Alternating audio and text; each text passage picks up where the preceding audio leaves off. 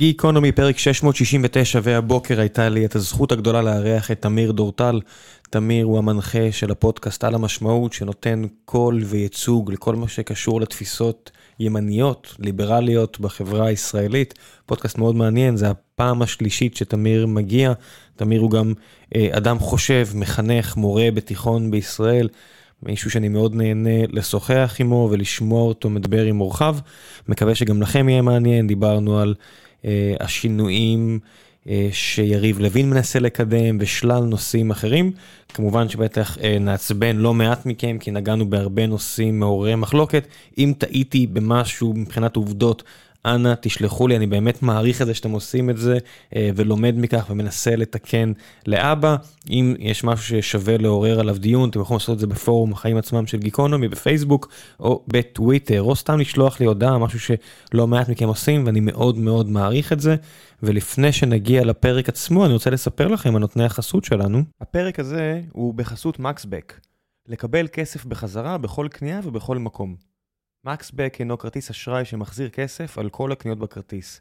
לא משנה איפה ומה אתם קונים, כל הכסף מצטבר, ואחוז מכל הסכום ששילמתם חוזר אליכם.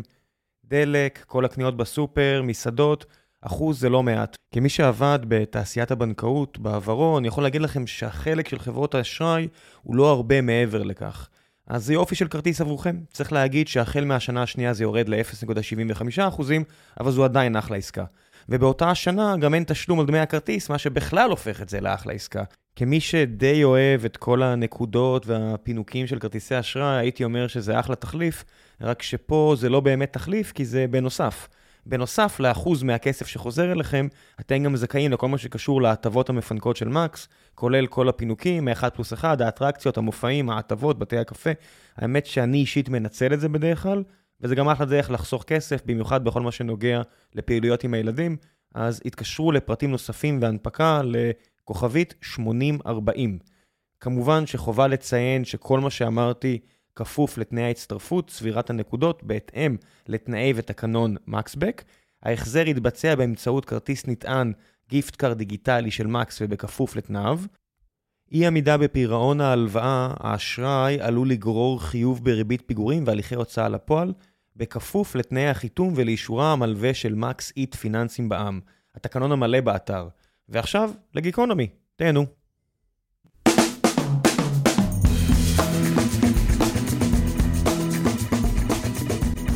גיקונומי פרק 669 והבוקר יש לי את הזכות הגדולה לארח את עורך דין תמיר דורטל. מה העניינים? בוקר טוב. המנחה של על המשמעות, מורה ומחנך במדינת ישראל, הוגה דעות, נציג המחנה.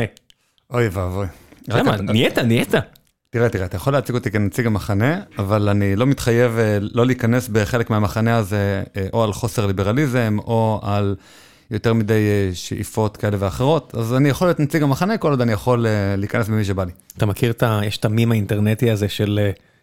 מספרות זולה של you keep using that word, או מהנסיכה הקסומה, אני לא זוכר מאיפה זה כבר, אין לי את התמונה בראש.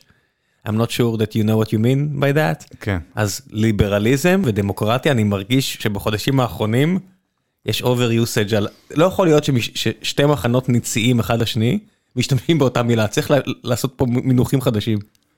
וואו, האמת היא שהרגשתי את זה בשיחה עם אה, דוקטור יגאל כרמון, אה, מייסד המכון הישראלי לדמוקרטיה, שהוא בעצם אומר דמוקרטיה ואני מתכוון משהו אחד, ואני אומר דמוקרטיה ואני מתכוון משהו שני, ואני חושב שזה נובע כתוצאה מזה שמכניסים לדמוקרטיה ערכים מעבר לפורמליקה, מעבר למה שאהרון ברק קרא דמוקרטיה פורמלית ודמוקרטיה מהותית. עזוב אהרון ברק, אני יודע, ליברליזם ודמוקרטיה זה לא מושגים שהם מיוחדים להוויה הישראלית.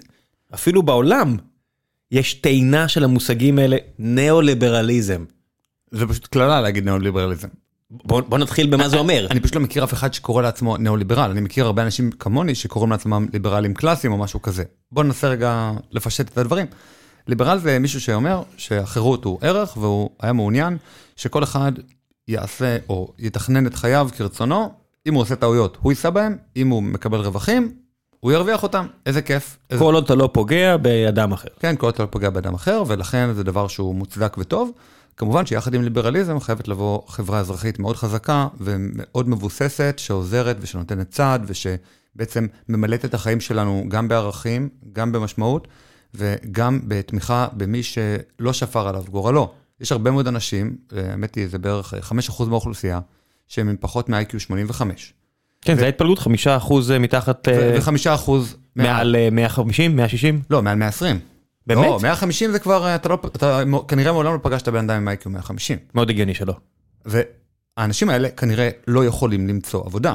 במיוחד עם האוטומציה שהולכת וגדלה, ואנחנו עכשיו בעידן שיש בו גם צ'אט GTP וכל מיני דברים כאלה, כמעט לא יהיו עבודות לאנשים כאלה. והחברה האזרחית... אתה מדבר מתחת ל-85? כן, אנשים, יש אנשים שהזמן שלוקח לך ללמוד, לבצע איזושהי מטלה הכי פשוטה כמו לקפל חולצה בזארה, נגיד לוקח לך, לא יודע, חצי דקה, דקה, שתי דקות, אז הוא לא יכול ללמוד את זה לעולם בצורה טובה. ה-IQ זה לא רק עניין של קריאת טקסטים או פתרון משוואות עם שלושה נעלמים, זה, זה לא זה. זה אפילו ביצוע משימות פשוטות יהיה לו קשה לעשות. והעולם הולך לכיוון של הרבה מאוד אוטומציה ושל הרבה מאוד דיגיטציה ושל, אה, אתה יודע, מיכון מאוד מאוד כבד, שמחליף הרבה מאוד מהעבודות הפשוטות. וראיתי בנתב"ג לאחרונה איזשהו רובוט שמנקה את המרצפות שם, ללא מגע יד אדם. אז הנה עוד משרות פשוט נעלמות כל הזמן, אתה יודע, אני בטוח שמעצב עולמ, עולמ, עולמות וירטואליים זה משהו שלא חשבו שיהיה עבודה ואני מניח שזה יהיה עבודה עוד כמה שנים אם לא עכשיו כבר. השאלה אם מישהו עם איי-קיו 90 או איי-קיו 80 יכול לבצע את העבודה הזאת ואני חושב שלא. כן ותחת ההנחת מוצא שלך שחמישה אחוז מהאוכלוסייה לא יוכלו להתפרנס ללא עזרה חיצונית אז טוב תעשה החברה האזרחית במדינת ישראל או בכל מדינה שיכולה להרשות לעצמה ותדאג לאותם אנשים שלא יגיעו למצב של עוני קיצוני. למה אתה מבלבל ככה? אמרתי חברה אזרחית, לא אמרתי מדינת ישראל. למה לא? מה ההבדל? מה אכפת לי ממקומות אחרים? תראה, כי מדינת ישראל בעצם משלמת לאותם אה, אוקיי, אוקיי, עניים, הבנתי, הבנתי, הבנתי, אוקיי, בעזרת כפייה. אני ליברל, אני ליברל. סליחה שגררתי אותך למקום של הוצאה ציבורית. לא, כן, כן, הבנתי את אותי. הנושא הכללי הוא ליברליזם, ואם אני רוצה להסביר מה זה ליברליזם, זה לא לקחת כסף מראם ההייטקיסט ולתת אותו למישהו אחר, לפי דעת הפוליטיקאי או הציבור שהפוליטיקאי חפץ בעיקרו, וכמובן ראם הוא כרגע... בוא נגיד לא ראם, בוא נגיד החבר כנסת מש"ס שמתרעם למה שמ-47 אלף שקלים נשאר לו 20 אלף שקל בנטו. כן. כן. זהו, אז, אז אם המדינה רוצה לעשות דברים טובים, היא צריכה לעשות את זה בכפייה, היא פשוט הולכת אליך עם איומי שוטר ואומרת, אם אתה לא תשלם מס כחוק ולא תדווח כחוק, אתה הולך לכלא. זה הפעלת כוח.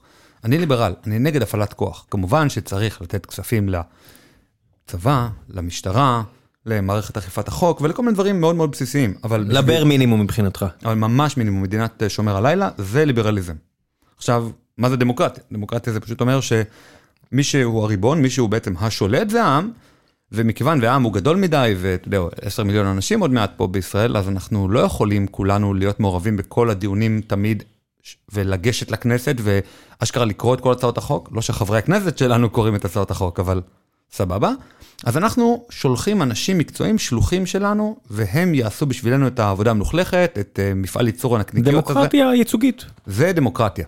עכשיו, יבוא המכון הישראלי לדמוקרטיה, יבוא חסידי אהרון ברק ויגידו, לא, בעצם דמוקרטיה זה אמור להיות איזושהי מערכת ערכים שבסופו של דבר מביאה לאיזה progress בחברה, שהחברה מתקדמת לאיזשהו מקום טוב יותר של ערכים נאורים, של הציבור הנאור, של שוויון לכולם. רגע, פה, ש... פה, פה יש דברים, בוא נגיד מעל ההגדרה הבסיסית, בסיסית, בסיסית שציינת של שלטון הרוב וכו', בסוף אתה גם מורה ומחנך אמרנו בארץ, אם תיכנס לכיתת אזרחות ותסתכל בספר הלימוד, יש שם כל מיני, אתה יודע, הפרק על דמוק, דמוקרטיה במגננה, ומה מותר לעשות כשדמוקרטיה תחת מתקפה מותר ואסור, כאילו זה מתמטיקה, ופרק על הגנה על זכויות המיעוט וכל מיני כאלה. זאת אומרת, אתה מעלעל בספר כזה ועולה לך החום?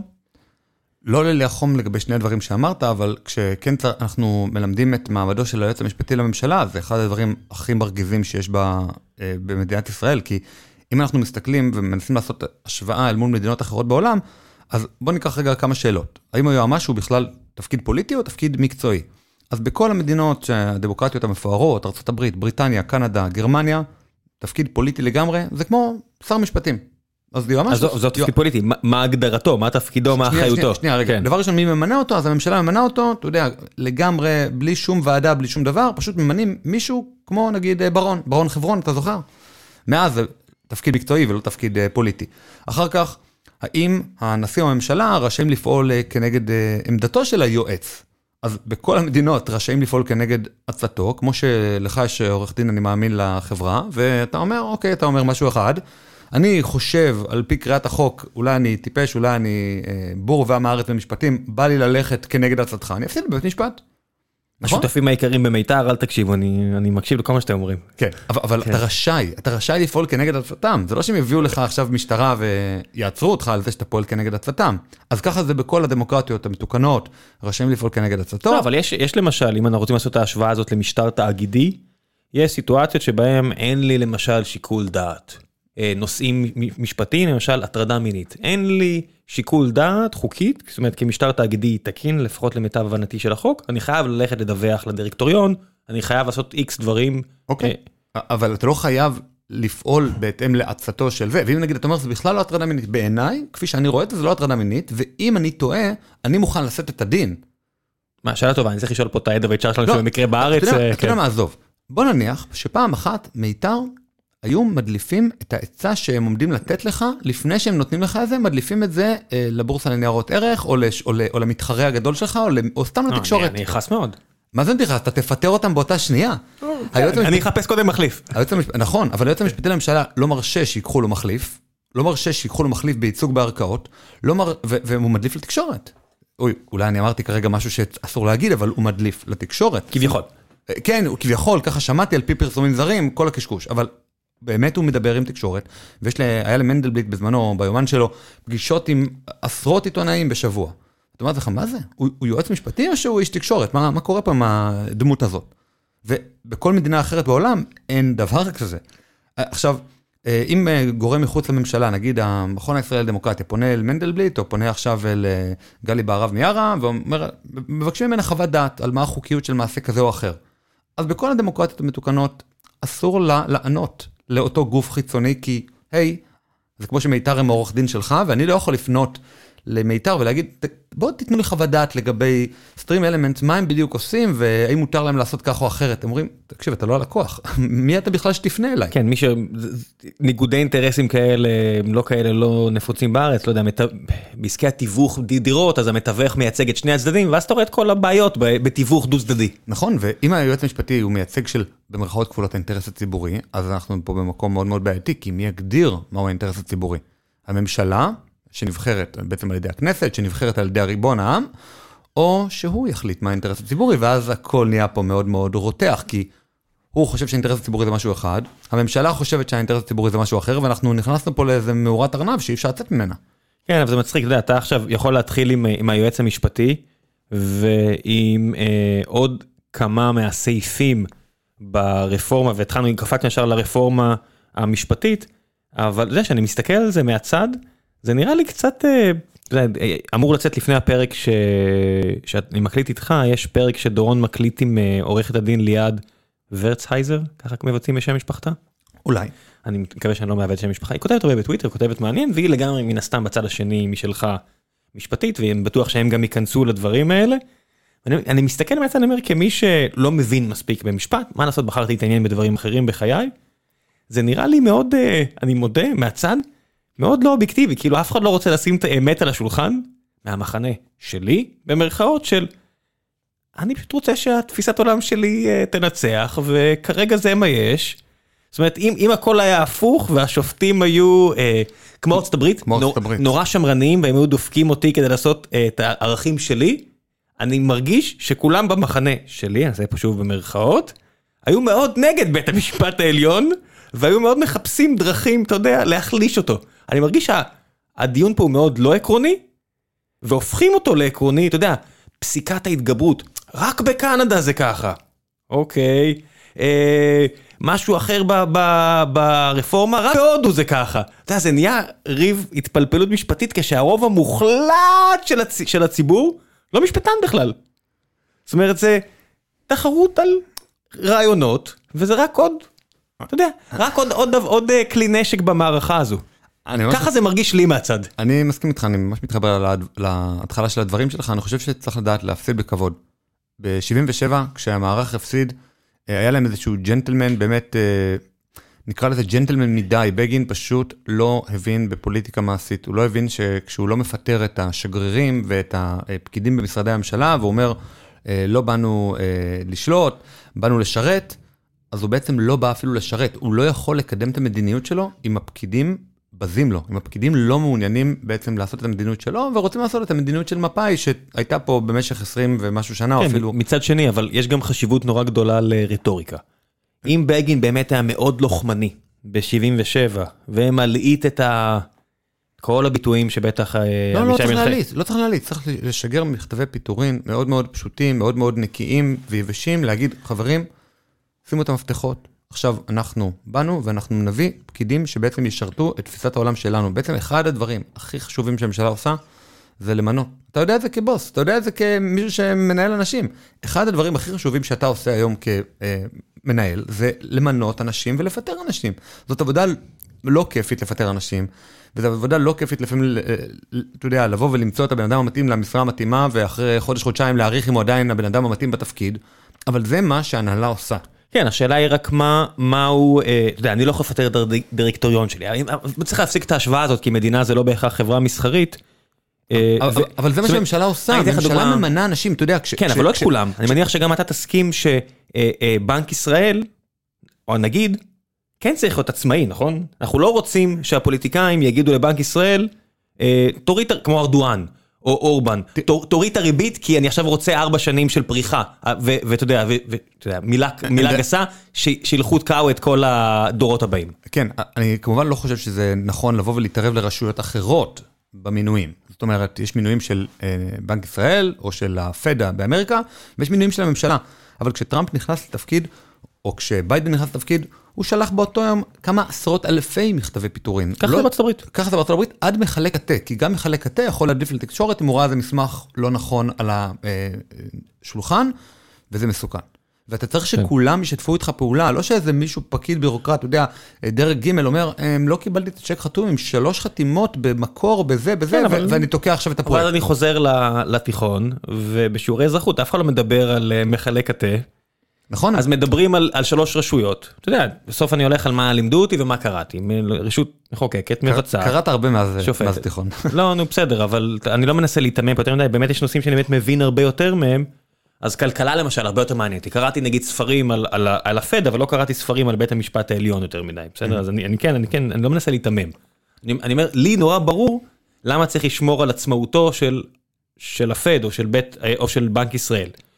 אבל בית המשפט העליון, אני מסתכל מהצד ואני אומר, אני רואה הרבה טיעונים טובים לכאן ולשם, זאת אומרת זה יכול להיות דיון נורא מעניין, רק שהוא נעשה בצורה מאוד, אה, זאת אומרת אין פה באמת דיון, שנייה, זה, ו- זה אחד ואפס ב- בציבור הרחב כרגע. אני, אני אגיד כמה דברים, אני חושב דבר ראשון צריך לדעת להפסיד בכבוד, כמו בספורט, ברגע שהפסדת, לוחצים ידיים, ולא עכשיו מבזים את הקבוצה שניצחה ואומרים להם אתם, אה, לא יודע, נאצים. זה כבר שלוש שנים ככה, אני, לשני הכיוונים, אתה יודע, זה התחיל עם אה, ממשלת הביזוי, שיסוי, לא יודע איזה מילים היו, שנייה, אבל אני מבקש ממך לא להשוות בשלב הזה, כי בשום שלב נתניהו לא קרא למלחמת אחים, למלחמת אזרחים, לצאת לרחובות ולהבעיר את הרחובות. הוא לא, שמחה רוטמן כן, שמחה רוטמן אני אולי נמצא איזה ציטוט מ-2018 שהוא אמר, אה, להבעיר את הרחובות, ממש לצאת עם אה, קלשונים ובלפידים, אני לא חושב, ואני גם יודע שבניסיון ההיסטורי הימין אף פעם לא יצא למלחמת אזרחים, להפך, באלטלנה הוא נתן שיירו בו, אנשים נהרגו באלטלנה, ואף על פי כן לא הייתה מלחמת אזרחים מצד כן, הימין. לא יודע, מה זה, השמאל של אז זה הימין של היום מבחינת דעות.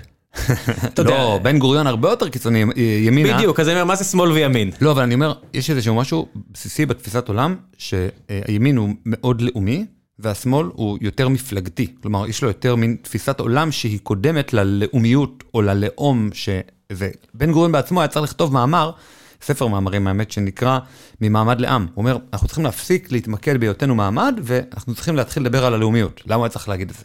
כן, אבל אני- אני- אתה אומר שוב, שמאל, אני אומר, כמה אנשים כמוני יש שמסתכלים על, אה, לא יודע מה, גלית דיסטל, אומרים, לא בא לי, ואז מסתכלים לשני על נעמה לזימי, אומר, גם לא בא לי, יש משהו אחר? אה, אתה יודע, באים לחנות הגלידה ואומרים, יש טעם שלישי? שנייה, אני, אני גם איתך, אני גם מסתכל על פוליטיקאים ואומר, "מ, לא בא לי, אני חושב שכמעט כל פעם שראיינתי פוליטיקאי, המאזינים שלי אמרו לי, זאת הפעם שהפסקתי להעריץ אותו. באמת, במילים האלה. אמרו לי לגבי אחד מראשי מחנה הימין, שראיינתי אותו, תחשבו לבד. באופן כללי, אל- תעריצו אף אחד, זה פשוט לא מוצלח. לא, אבל כאילו הם מאוד העריכו את הבן אדם, אני, גם מאוד מעריך אותו, אבל בגלל ששאלתי אותו שאלות בלונג פורמט, שאתה יודע, שמדברים וזה, לא עכשיו בכותרות לעיתונים, אז פתאום הבן אדם נכנס לפינות שהוא לא ידע לצאת מהם, והרבה אנשים אמרו לי, בגללך כמעט לא הצבעתי לו.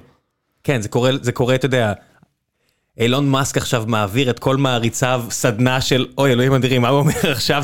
כמעט כל בן אדם שאתם נורא נורא אוהבים ומעריכים, עדיף שלא תשמעו רעיונות נורא ארוכים איתו. בניגוד, אתה יודע, חוץ מפודקסטרים. אה, לא, במיוחד פודקאסטרים, כי זה קשקשת אה, עוד יותר גדולה, אבל אה, זה פשוט ככה, מה לעשות, זה רק בני אדם. ואז אני מבין את הצד השני שאומר, מה זה עילת הסבירות? מה זה לכל הרוחות אנשים שקובעים מהו סביר ומהו לא? וההסבר היחידי שיכול להיות לי זה, אה אוקיי, יש בצד אחד מחנה שאני לא כל כך מסכים איתו, והם שומע, הם נגדו, אז כאילו אני אמור להיות בעדם. אבל כשאני מסתכל מהצד אני אומר, כן, יש פה הרבה דברים שאני לא מצליח להבין. זה, גם מני מאונטנר ישב פה ואמר את זה, והרבה אנשים אומרים, יש בעיות, ואז למה אתם הייתם משנים את זה? לא, היינו משאירים את זה אותו דבר. זה זה אחד הדברים הכי מדאיגים, כי כשדיברתי עם השופטת אה, בעליון, אה, דפנה ברק ארז, אמרתי לה, איך היית משנה את הוועדה לבחירת שופטים? עכשיו את דיקטטור נאור ליום אחד, תדמייני, אמרה לי, כלום, לא הייתי עושה שום שינוי. עכשיו אני אומר, לא יכול להיות. אף פעם המצוי הוא לא הרצוי, זה, זה, זה אף פעם לא קורה. אז אתה רוצה, כולם גם, לא יודע, כמו פרופסור מאונטנר, הרבה אנשים אומרים, כן, כרגע לא טוב. זה לא שאתה אומר, תמיד הרצוי הוא לא המצוי, אני אומר, אנשים אומרים ספציפית, לא טוב כרגע. כן.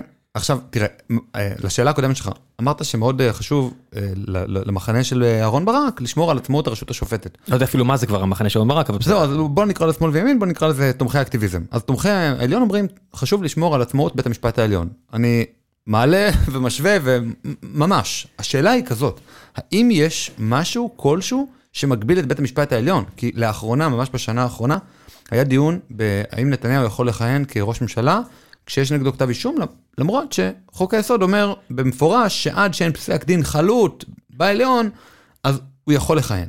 חוק היסוד לממשלה. כן, חוק יסוד הממשלה, והתשובה היא שבאמת, אם בג"ץ יעשה כמו שהוא אמר, והוא אמר אין שום הגבלה גם לבג"ץ לפסול חוק יסוד, אז אין שום דבר שמגביל את בג"ץ. אני רוצה שיש משהו, יהיה משהו שיגביל את הממשלה, ויהיה משהו שיגביל את הכנסת, ויהיה משהו שיגביל את בג"ץ. אני לא מוכן, תפיסתית, ומתוך, אתה יודע, ההיכרות עם, עם דברים שקורים בעולם, שיש מוסד שרק על פי שיקול דעתו הוא מגביל את עצמו על ידי ריסון שיפוטי.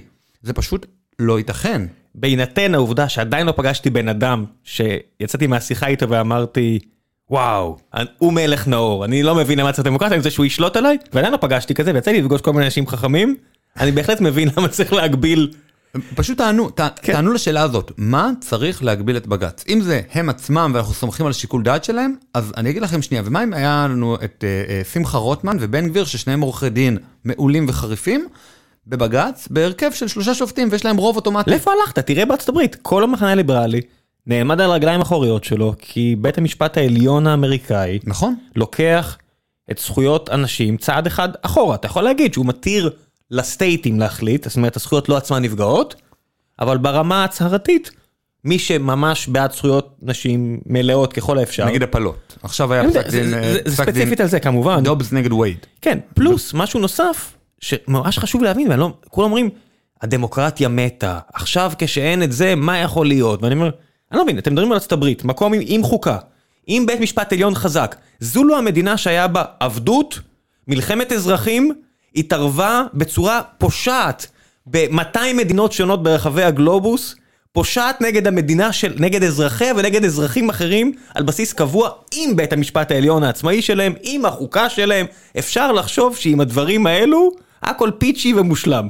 זאת אומרת, ואז יגידו שזה משחק של הסתברויות, אבל הדיון הוא כל כך, זאת אומרת, הוא כזה דיון של גן ילדים לפעמים. תראה, אני, אחזור על השיחה הראשונה שלנו שהייתה באמת ממש לפני שנתיים, ודיברתי אז על אלכסיס דה טוקוויל לדמוקרטיה כן. באמריקה. אחד הדברים שהכי מציקים לי בישראל, זה המשטר המאוד מאוד מאוד ריכוזי שיש לנו כאן, שבעצם כמעט כל ההחלטות נקבעות על ידי אה, משרדי הממשלה אשר בירושלים, ומעט מאוד החלטות נקבעות על ידי עיריית תל אביב, עיריית גבעתיים, עיריית ירושלים. להפך, רק מגבילים אותם עוד ועוד. נ- נכון, זה מה שאני אומר, הקורונה עוד איכשהו הייתה קצת אה, שחרור של הדבר הזה, אבל אני רוצה שהבחירה שלי לראש עיר תהיה חשובה לא פחות, ואולי... איך זה מתקשר לנושא הזה? זה, זה מתקשר כי מה בעצם עשו בפסק דין הזה שביטל את הזכות החוקתית להפלות? אה, אתה אומר אה, כוח אמרו- לסטייטים. כוח לסטייטים, ואז אם אני באמת חושב שמה שקורה בקליפורניה זה דבר הזוי ולא מתקבל על הדעת, או שאני לא מתחבר למושל השמאלן או הימני הפשיסט שיש שם, אז אני פשוט עובר למיאמי, אני עובר לפלורידה, לדה סנטיס, והוא ההפך הגמור.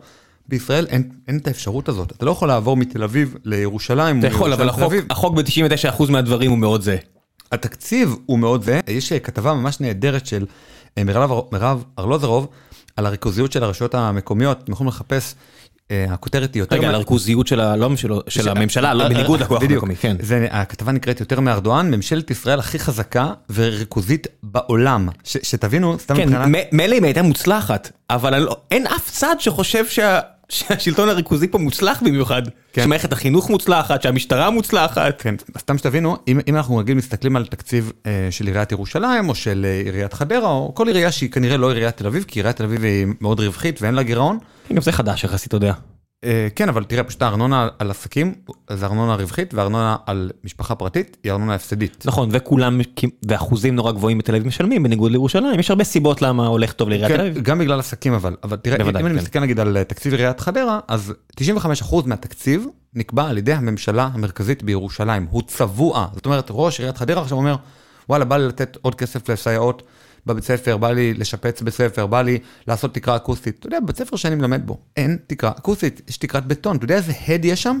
זה השקעה של כמה עשרות אלפי שקלים פר כיתה, אולי אפילו... תמיר, אין גננת לילד שלי לפעמים. כן, אוקיי. אין גננת לילד שאתה מדבר על העירייה, סופר עשירה, עיר סופר מתקדמת, אני משלם הון תועפות, אין גננת לפעמים לילד. הגננת חולה, והגננת בכלל מגיעה מעיר אחרת, אתה יודע, כל הדברים האלו, קוראים את התחת בשביל שכר זעום יחסית, היא חולה, אין תמיד מחליף, אז לפעמים הגן מבוטל. זהו, אז 95% מהתקציב של עיריית חדרה נקבע על ידי הממשלה המרכזית בירושלים, והמדינה השנייה הכי ריכוזית בעולם, אחרינו זו טורקיה של ארדואן, עם 20 אחוז. זאת אומרת, ההפרש בינינו לבין טורקיה הוא 75 אחוז. 95 אחוז מהתקציב שלנו צבוע, כן. ואצל ארדואן, שהוא מאוד ריכוזי, אז 20 אחוז, ואז אחר כך יש לנו את צרפת, שהיא עוד מדינה מאוד ריכוזית, אבל האחוזים יורדים למטה עד כדי אפס, נגיד באירלנד, תוך 10 מדינות.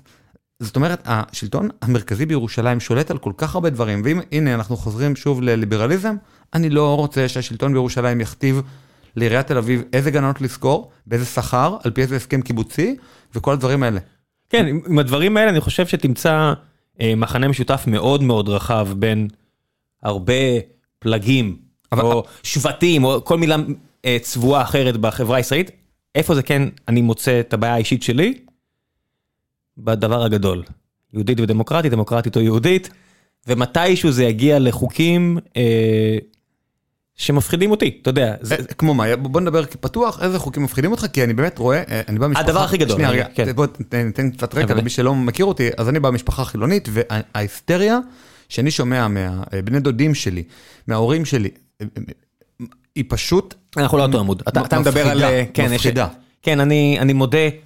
שאם אני ביום שישי רואה איזה חבדניק או מישהו, אני מצטער, אני לא מכיר את הזה, את הדקויות, בא לבקש ממני להניח תפילין, אני אגיד לו, לא תודה, שבת שלום. אין לי בעיה עם זה, אני מודה, לי אישית, שהילד שלי עושה אה, קידוש אה, בגן או דברים כאלה, בכיף, אתה יודע, אנחנו לא עושים את זה בבית, שיחשף את זה שם, אתה יודע, יהדות מגניב, אין לי בעיה עם זה, אני מודה, לי אין בעיה עם זה. אה, היינו צריכים להתחתן, התחתנו בניו יורק, אז הייתי צריך להירשם, הכל טוב, לא, לא כזה מפריע לי. לי אישית. כן, מפריע לי העניין של... זכויות, אה, זאת אומרת, לבני מיעוטים פה, ומה יהיה עם זה. שנייה, אבל זה לא חקיקה דתית. הזכויות של בני מיעוטים זה משהו אחר. כן, אבל כשהלאום היהודי מתערבב עם דת, זה, זה, זה מסתבך, ובסופו של דבר, כמי שמאמין שהמצב, זאת אומרת, אני אישית, כן? כן, כן. ופה אני לא יכול לייצג אף אחד. כמי שמאמין שהמצב מעבר לגבולות 67 הוא לא בר קיימא, או הגיוני, או מוסרי, או לא יודע מה, אני חושב שזה הפיל הכי גדול בחדר. זאת אומרת, גם, זה גם מה שהכי כואב, אני חושב, למחנה השני, מה שקרה ב-2006-2005. ההתנתקות. כן, ההתנתקות וכל התהליך לפני, גם בכוונה גם לקחתי שנה אחת אחורה, ההפגנות, החקיקה, כל הדברים האלו, והעזרה של בג"ץ כן. לסיפור הזה. אבל מה מפחיד את השמאל בישראל לגבי אה, הממשלה הנוכחית? זה משהו שאתה יודע, מעבר לרפורמות המשפטיות, שברור שיש פה איזשהו... מה מפחיד אותי? אתה יכול לשאול אותי. כן, מה מפחיד אותך? שהם חבורה של חדלי אישים. כאילו, סתם, בלי להעליב אף אחד, הם פשוט נראים לי נורא לא מוצלחים, הרבה מהם. אה, הם גרועים בניהול? אבל... לא, לא, לא בניהול. זאת אומרת, אני מסתכל... כן, הכל. זאת אומרת, אבל זה לא רק הם. זאת אומרת, אני שוב, בכוונה ציינתי גם אנשים ממפלגת העבודה שלא הצבעתי להם, כן?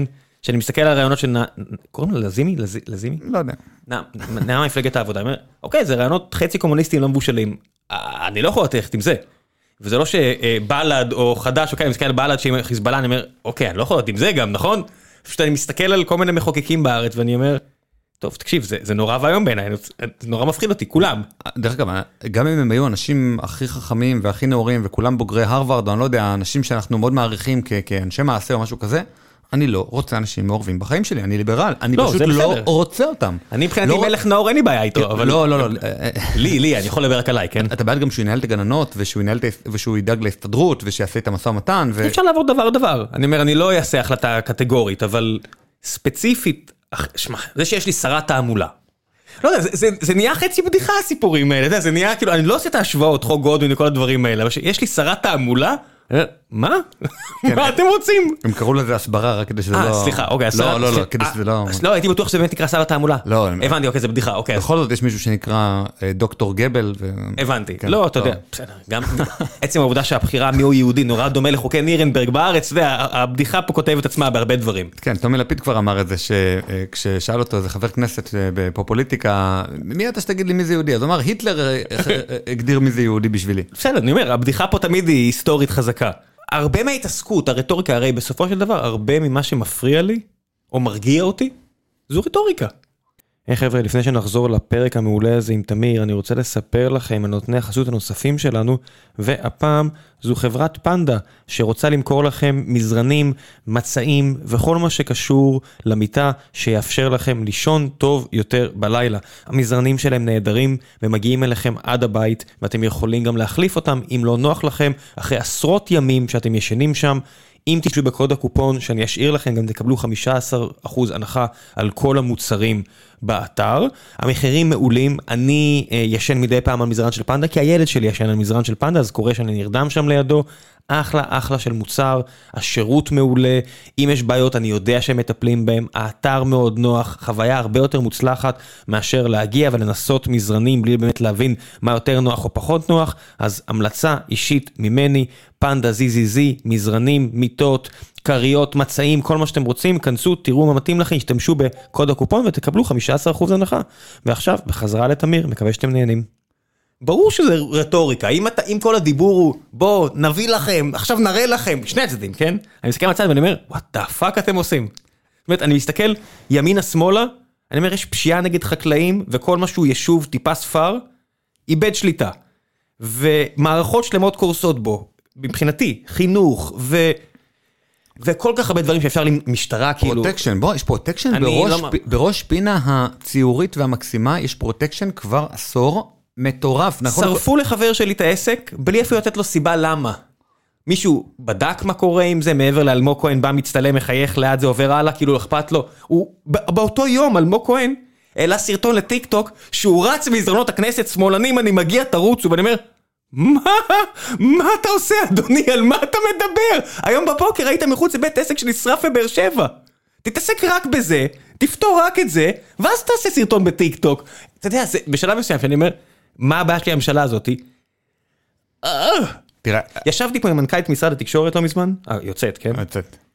ובכוונה גם לא ציינתי שום דבר לגבי השר שהיה מעליה, כי ברור לי שמי שהולך להצטלם כל היום עם אה, פויקה או לא יודע מה, הוא לא זה שבאמת עושה את העבודה, אוקיי? ברור- ברור שמנכ"לים הם אלה שעושים את העבודה ולא השר, השר הוא אה, בשביל פוטו-אופים ובשביל גזירת סרטים ובשביל ראיונות. נכון. ודאי, אז- מה אז הש- כן, מה השאלה? בדיוק. ולכן המינוי של המנכ"ל הוא מינוי פוליטי, הוא מינוי אישי. ועכשיו נגיד, הנה משרד התקשורת, חברי, אלעד מלכה, באמת איש ראוי ואיש אה, איש ביצוע ועשייה. עכשיו הם מעכבים את המינוי שלו למנכ"ל משרד התקשורת, כי אין לו מספיק ניסיון בניהול גופים עם תקציב של מעל, לא יודע, כמה מאות מיליארדים. אין כאלה גופים בישראל, מה אתם רוצים ממנו? כן, אני מניח שהקצנת, זה לא מעט לא, מיליונים, whatever, לא, כן. לא משנה, לא, פריסת הסיבים זה משהו שעולה כמה...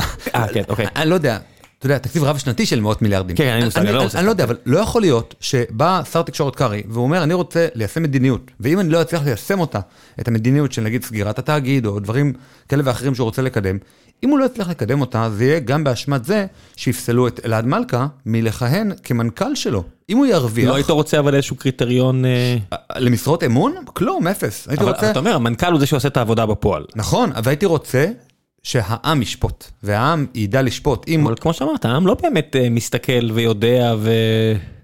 שנייה רגע, אז מה האלטר- מה האלטרנטיבה?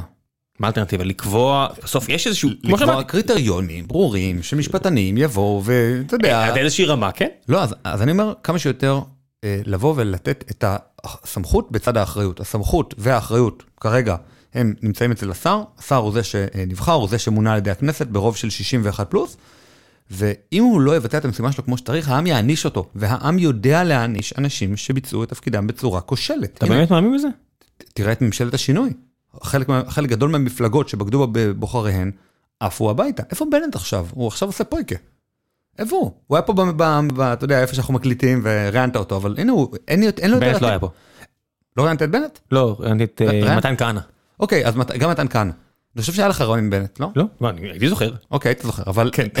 אבל, אבל תראה, הבן אדם עכשיו בבית, הוא לא עושה כלום, אין לו שום עתיד פוליטי, הוא שילם את המחיר המלא. לא, הגזמת, זה לא דוגמה טובה, כי יש הרבה אנשים אה, כמוני שעכשיו אה, הרבה יותר מעריכים אותם, בטוח שיש על הנייר עשרות מנדטים, לפחות כחבר כנסת, לא לא יודע אם כראש ממשלה, נגיד כראש ממשלה צריך 61, אה, תראה, צריך בייס, הבייס שלו נטש אותו. אולי הוא החליף את הבייס לאנשים אחרים, נגיד, אה, אה, שוב, כל המשפחה שלי... שלו, כן? כל המשפחה שלי הם ליברלים כאלה, אתה יודע, שמאלנים, והרבה מהם מאוד נתנו המון כבוד לבנט כראש ממשלה, אבל אף אחד מהם לא הצביע לו בסבב בחירות שלפני שהוא בגד בבוחריו. ואולי חלק מהם מצביעים לו אחר כך. בעצם כי הוא עבר לשמאל באיזשהו, באיזשהו דרך. מצחיק, שמאל מה? הבעיה בס- בשמאל, כאילו אני אוקיי, שמאל או- או- והצבעתי למישהו ספציפית רק כי הוא נורא ימני בכלכלה שלו, אתה מבין? זה כאילו... בסדר, אז מבחינת מחנות, תראה, בישראל אין באמת אה, שמאל וימין, במובן האמריקאי של המילה, או במובן המהותי של המילה, או במובן האידיאולוגי. יש מעט מאוד אנשים בימין שהם גם בעד כלכלה חופשית, גם בעד אה, סיפוח אה, יהודה ושומרון, גם בעד אה, ביטול האקטיביזם השיפוטי, גם בעד... בשמאל יש שמאל. ליברליזם של כן. שוק... נכון, בדיוק. חד- חדש זה כן שמאל, נכון, נכון, לגמרי, אבל זה מה שאני מתכוון לומר. הייק הקדיש את הספר שלו, הדרך לשעבוד, לסוציאליסטים מכל המפלגות. הוא התכוון באנגליה למפלגה השמרנית, לסוציאליסטים במפלגה השמרנית ולסוציאליסטים בלייבור. כן. וזה מה שקיים בישראל. נוסדנו על אתוס כזה שמאלני אה, אה, חזק של מפא"י, של המדינה הגדולה, היא זאת שעושה כור היתוך. אתה יודע, הכור היתוך הזה קצת עושה לי צמרמורת. מה זה שהמדינה תבוא ותחליט מיהו דמות הצבר האולטימטיבי? מי את בכלל שתחליטי על ערכים כאלה? כן זה משהו מפעם, כבר היום אין את זה. אין את זה, אבל יש את זה איפשהו בתפיסה שהמדינה צריכה לחנך, המדינה צריכה לקבוע, המדינה צריכה להחליט החלטות ערכיות לגבי אנשים. מה זה הדבר הזה? באיזשהו מקום, אני כן רוצה, זאת אומרת, מישהו צריך להחליט, זאת אומרת, למה? האם- למה מישהו צריך להחליט החלטות? ערכיות? תגנו עלינו מחוץ וביטחון, לא, שנייה. תדאגו למערכת משפט יש מתפקדת. טייסת לא טייסת, אוקיי? אם אם אה, מישהי רוצה ללכת לקורס טיס, מי- מי אמור להכריע על זה אם לא המדינה? העם? כן, העם באמצעות נציגיו אמור להכריע ולתת הוראות. על הצבא? לצבא. על- שנייה, מ- מ- מי הבוס של הרמטכ"ל נראה לך? עד לאיזה רמה? עד לרמת הבורג במטוס יכול לה- להתערב. אה. הקבינט יכול להתערב לרמת ישראל, אז למה בנק ישראל מוחרג? זאת אומרת, הרי אתה לא, לא תמצא אנשים. שיגידו אה, שצריך לפגוע בעצמאות בנק ישראל מחוץ להונגריה וטורקיה. אז מה- למה בנק ישראל לא והצבא כן? כי בעצם גילינו במהלך המאה ה-20 שלממשלה יש אה, בעיה מאוד גדולה, שהיא לא מסוגלת אה, בעצם להעלות מיסים, ומעדיפה במקום זה להדפיס כסף. זה איזה מין חולשה כזאת של הממשלה, כי אף אחד לא אוהב שמעלים מיסים, וכולנו רוצים יותר שירותים חברתיים. נהיית המיסים פה מאוד גבוהים. המיסים פה הם הכי גבוהים כנראה שיכולים להיות, כי אם תעלה אותם עוד קצת, הכנסות המדינה ירדו. עקומת לאופר הידועה, עקומת לאפר הידועה, שאף אחד לא מכיר אותה, אבל כן. כי היא גם שורטטה בבית קפה על אה, מפית, כן, זה לא איזה מתמטיקה מדהימה, אבל ההיגיון די עובד. ההיגיון עובד מאוד יפה, שאם אני אטיל עליך מס של אה, 100%, אז אתה לא תצא לעבוד, או אם תעבוד, תעבוד בשחור. כן, 0 ו-100 מביאים 0% הכנסות לעבודה, ואז אה, תציירו עקומה בין לבין. נכון, עכשיו, הממשלות, לכל הממשלות במערב, הבינו את זה שמאוד, הן מאוד אוהבות לבזבז, כי האזרחים מאוד רוצים מתנות, מאוד רוצים אה, כיכרות חדשות, יותר סייעות בבתי ספר, בלה בלה בלה, כל מיני דברים טובים, אבל הם לא אוהבים שמטילים עליהם מיסים. אז מה הפתרון קסם? להדפיס מלא כסף. ולכן בנק ישראל הוא בלם, אבל בשום מדינה דמוקרטית שאני מכיר, חוץ מטורקיה, שהיא לא באמת דוגמה לאיזה דמוקרטיה למופת, לצבא אין מעמד מיוחד כשומר הדמוקרטיה. הדמוקרטיה... מצרים, אני חושב גם. הם דמוקרטיה? הם לא, הם כלום. למה, טורקיה כן? אה, אתה יודע, היא בתהליכים אה, הולכים וגוברים של אה, דיקטטוריז- דיקטטוריזציה. אבל אה, תראה, האמת שיש שם בחירות, נכון. תראה, הקבינט הוא המפקד של הצבא, הצב... הקבינט יכול להגיד לצבא בדיוק מה הוא רוצה, כן מלחמה, לא מלחמה, כן טייסות, לא טייסות, זה שבג"ץ התערב וקבע שיהיו טייסות, אולי זאת החלטה טובה, אולי זאת החלטה לא טובה, אבל מי צריך להכריע? זאת אז אני חושב שהממשלה צריכה להכריע ולא בג"ץ, אני חייב לומר... אומרת, זה חקיקה? תראה, אני חייב לומר שאני הייתי בקורס טיס יחד עם טייסות, יחד עם טייסות לעתיד, אני הודחתי, הם, חלקן נשארו, אולי הן באמת הרבה יותר מתאימות ממני, אני לא יודע. האם אני חושש שיש שיקולים של צדק חלוקתי או דברים כאלה שנכנסים באת מי להעביר צ'ק 15 ואת מי לא להעביר, אני חושש שכן, כמו שבהרבה חברות אומרים, אוקיי, יש לנו כאן שני מועמדים, שניהם בערך שווים באותה מידה, אבל הוא אתיופי, היא אישה, הוא דתי ואנחנו רוצים יותר uh, גיוון בעסק שלנו. האם אני חושש ששיקולים כאלה ייכנסו? כן, כי זה מאוד, אתה יודע, מאוד אופנתי היום שיהיה עסק מגוון ולא כולם אשכנזים, חילונים, תל אביבים שחושבים אותו דבר. למרות שאולי הם האנשים הכי טובים בתפקיד. אני רוצה את האנשים הכי טובים בתפקיד, אני רוצה צבא שרוצח בצורה הכי יעילה שיש, והנה יש לך פה, אתה יודע, כאילו כותרת. אין כותרות מגיקונומי. לא, אז אני אומר, אני רוצה אנשים צבא זה גוף קטלני, צבא זה לא גוף מוסרי ונחמד וטוב ויפה. כן, אתה יודע, כשהנאצים פלשו לברית המועצות, אחת מההפתעות הרעות שהיו להם זה וואו, יש להם הרבה יותר אה, לוחמים ממה שחשבנו, כי פשוט לחלק מהלוחמים היה שדיים. אה, סבבה. כמו שחלק מהטייסות הכי טובות בהיסטוריה של ברית המועצות, אתה יודע, למרות שהם קיבלו מטוסים אה, מאוד מקרקשים. אה, היו טייסות דווקא. תראה, אז אין לי בעיה, אם, אם צה"ל יש לו כרגע משבר של גיוס, שיגייס נשים לתפקידי קרב, לוחמה, 669, אם, אם, אם זה בעיה צה"לית מקצועית, כי אנשים לא מתגייסים, ושוב, אנחנו ממש מגיעים לעברי פי פחת אה, בכל התחום הצבאי הזה. אנחנו מגיעים לאחוזי גיוס מאוד נמוכים, אני חייב לומר שאני, נקרא לזה מחובר על העם במרכאות כפולות, כי אני מורה בתיכון, התלמידים שלי אומרים לי, למה שאני אתגייס? למה שאני אמות? עבור שטחים שממילא נחזיר בעתיד. תראה, זה משפטים מאוד מאוד כואבים. אתה אומר, אתה אומר לו, שנייה, אבל אם אתה לא תתגייס, אם אף אחד לא יתגייס, אז לא רק שאף אחד לא ימות על שטחים שנחזיר, אלא לא תהיה פה מדינה עוד רגע אחד בודד. אתה לא יכול להוציא את עצמך מהמשחק הזה, אבל אלה הזרמים, אלה הרוחות. יצא לך לראות את uh, הסרט גטקה? לא. סרט ממש ממליץ, זה על אה, GTCA, על האותיות כאילו של ב-DNA. כאילו עתיד דיסוטופי, אוטופי, איך שאתה לא רוצה להסתכל על זה, שבו פענחנו לגמרי אנושות את ה... וזה סרט 97, אז אני מניח שהרבה כבר המדע התבלגן לו לסדרו, התבדר או התכנס, וזה עתיד שבו בגלל שפענחנו את הגנום, את הגנום בצורה כזאת טובה, אפשר לא לקבל בן אדם לעבודה, כי יש לו הסתברות של יותר מ-2% לקבל התקף לב, ואז אה, למה שנביא אותך להיות טייס? בוא נביא בן אדם עם 0% להתקף לב. אוקיי. Okay. ואני אומר, באיזה שלב הדטרמיניזם הזה, ההסתברותי, זאת אומרת, זה, הרי זה, אתה יודע, משחק אינטלקטואלי. אם אני אגיד לך עכשיו שיש לך נטייה לאלימות, נג, נגלה שזה... ואם נגלה, אם נגלה פה אה, בחברה שלך, שיש מישהו עם אה, נטייה לגנוב דברים, אתה תקבל אותה לעבודה? כן, אתה יודע שנפלתי על זה, בנק לאומי, מישהו היה צריך לחתום עליי, אה, יש רעיונות כאלה שעושים בנק לאומי, מנהלים מספיק בכירים, אני אומר, נטייה זה לא... זה מצחיק, זה משהו שקרה לי בעברי האישי, אני אומר, זה תלוי במקרה.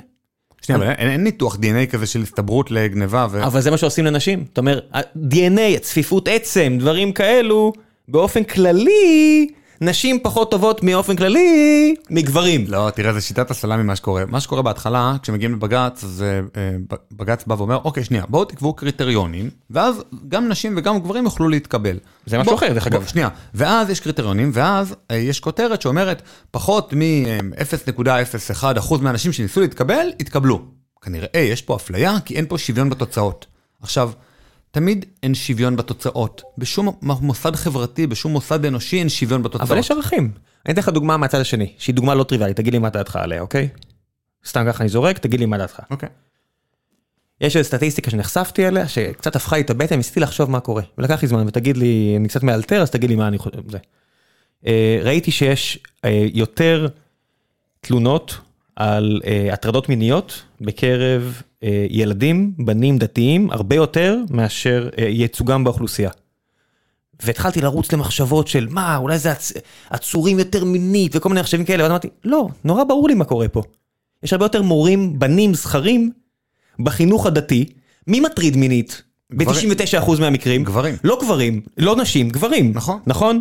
אז האם היית רוצה לראות חוק? עזוב עכשיו, אתה לא מאמין שצריך להיות, שאסור שיהיה עירוב. אני אגיד לך, יש הרבה, וזה נתון מטורף, צריך לתקף אותי פה, כן? כי אני אתן דוגמה למקום במחקר, אולי המחקר לא מספיק טוב, שפיצץ לי את השכל.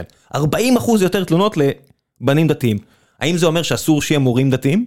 לא, אני לא חושב שהמדינה צריכה להתערב בזה, אני חושב שהמדינה לא צריכה למנוע כל מצב הסתברותי כלשהו לגבי כל עבירה פלילית כלשהי. אני חושב שהמדינה צריכה להעניש במקרה שיש אירוע. וכשאנחנו בוחנים אם לקבל מישהו לעבודה או לא לקבל מישהו לעבודה, אתה יודע, זה תמיד עלות מול תועלת. לוקח המון המון כסף להכשיר טייס או טייסת, ולוקח... אז תעשה מבחנים, ומי שעובר עובר. אין, אין, אין, בעיה- אין לי בעיה עם דברים כאלה, אבל אם אתה מגלה שנשים באיזשהו גיל רוצות אה, משפחה ורוצות ילדים והן אה, יותר זו מוכוונות שם, החלטה שלהן, לא? לגמרי החלטה שלהם, אבל אתה יודע, נגיד... אה, כמו ספורטאיות, מי שרוצה להיות ספורטאית, תהיה לה השפעה הורמונלית על זה. אני אתן לך דוגמה מיפן. אה, דבר ראשון, ספורטאיות זה, אתה יודע, אחת ל... לא יודע, עשרת אלפים, אחת בניגוד ל- לטייסות אחת שיש מיליונים? אחת למאה אלף. לא, אבל אתה בא עכשיו לבנות מערך. תראה, ביפן יש אה, ממש קוואטאז, יש ממש מכסות לנשים בתחום הרפואה. כי אומרים, אוקיי, הן הולכות ללמוד רפואה והן עם המוטיבציה בשמיים, ואז אחר כך הן הולכות להיות לנו רופאת משפחה ב- שעובדת 4, 5, 10 שעות, ב- אה, 6 שעות ביום. כן, רופאים עכשיו אומרים, רק עשר שעות, תן לי, אני חותם. כן, כן. אז אה, אה, למה ביפן עושים קוואטאז לכל אותן אה, רופאות? כי אומרים, אוקיי, אתן מדברות יפה מאוד כשאתן בנות 22, אבל כשאתן מתחתנות, פתאום אתן רוצות להיות הרבה יותר בבית, זה יותר חשוב לכם. אנחנו מכבדים, אנחנו מבינים את זה. אנחנו צריכים כרגע לתכנן את אה, אה, עולם הרפואה של אה, יפן, שיהיה מספיק רופאים או רופאות בתפקיד, ואנחנו רואים סטטיסטית שנשים פשוט באיזשהו גיל הולכות להם לחצי משרה, וזה לא משהו שאפשר... למה המדינה אבל צריכה להתערב? אני, אני לא חושב שהמדינה צריכה להתערב, אבל במידה והמדינה מעורבת באיזשהו תחום, כמו הצבא, שאף אחד לא יגיד שהמדינה לא צריכה להיות מעורבת בצבא, לא צריך פה מיליציות פרטיות. או אם המדינה פותחת בתי ספר לרפואה, כמו בישראל, שיש ממש מכסות וצריך פסיכומטרי של 750 כדי להתקבל, הרי אם זה היה בש- בשוק פרטי, היה היום בישראל עוד עשרות בתי ספר לרפואה, לא פחות טובים. לא, זה היה מתאזן על פחות ממעשרות, אבל כן.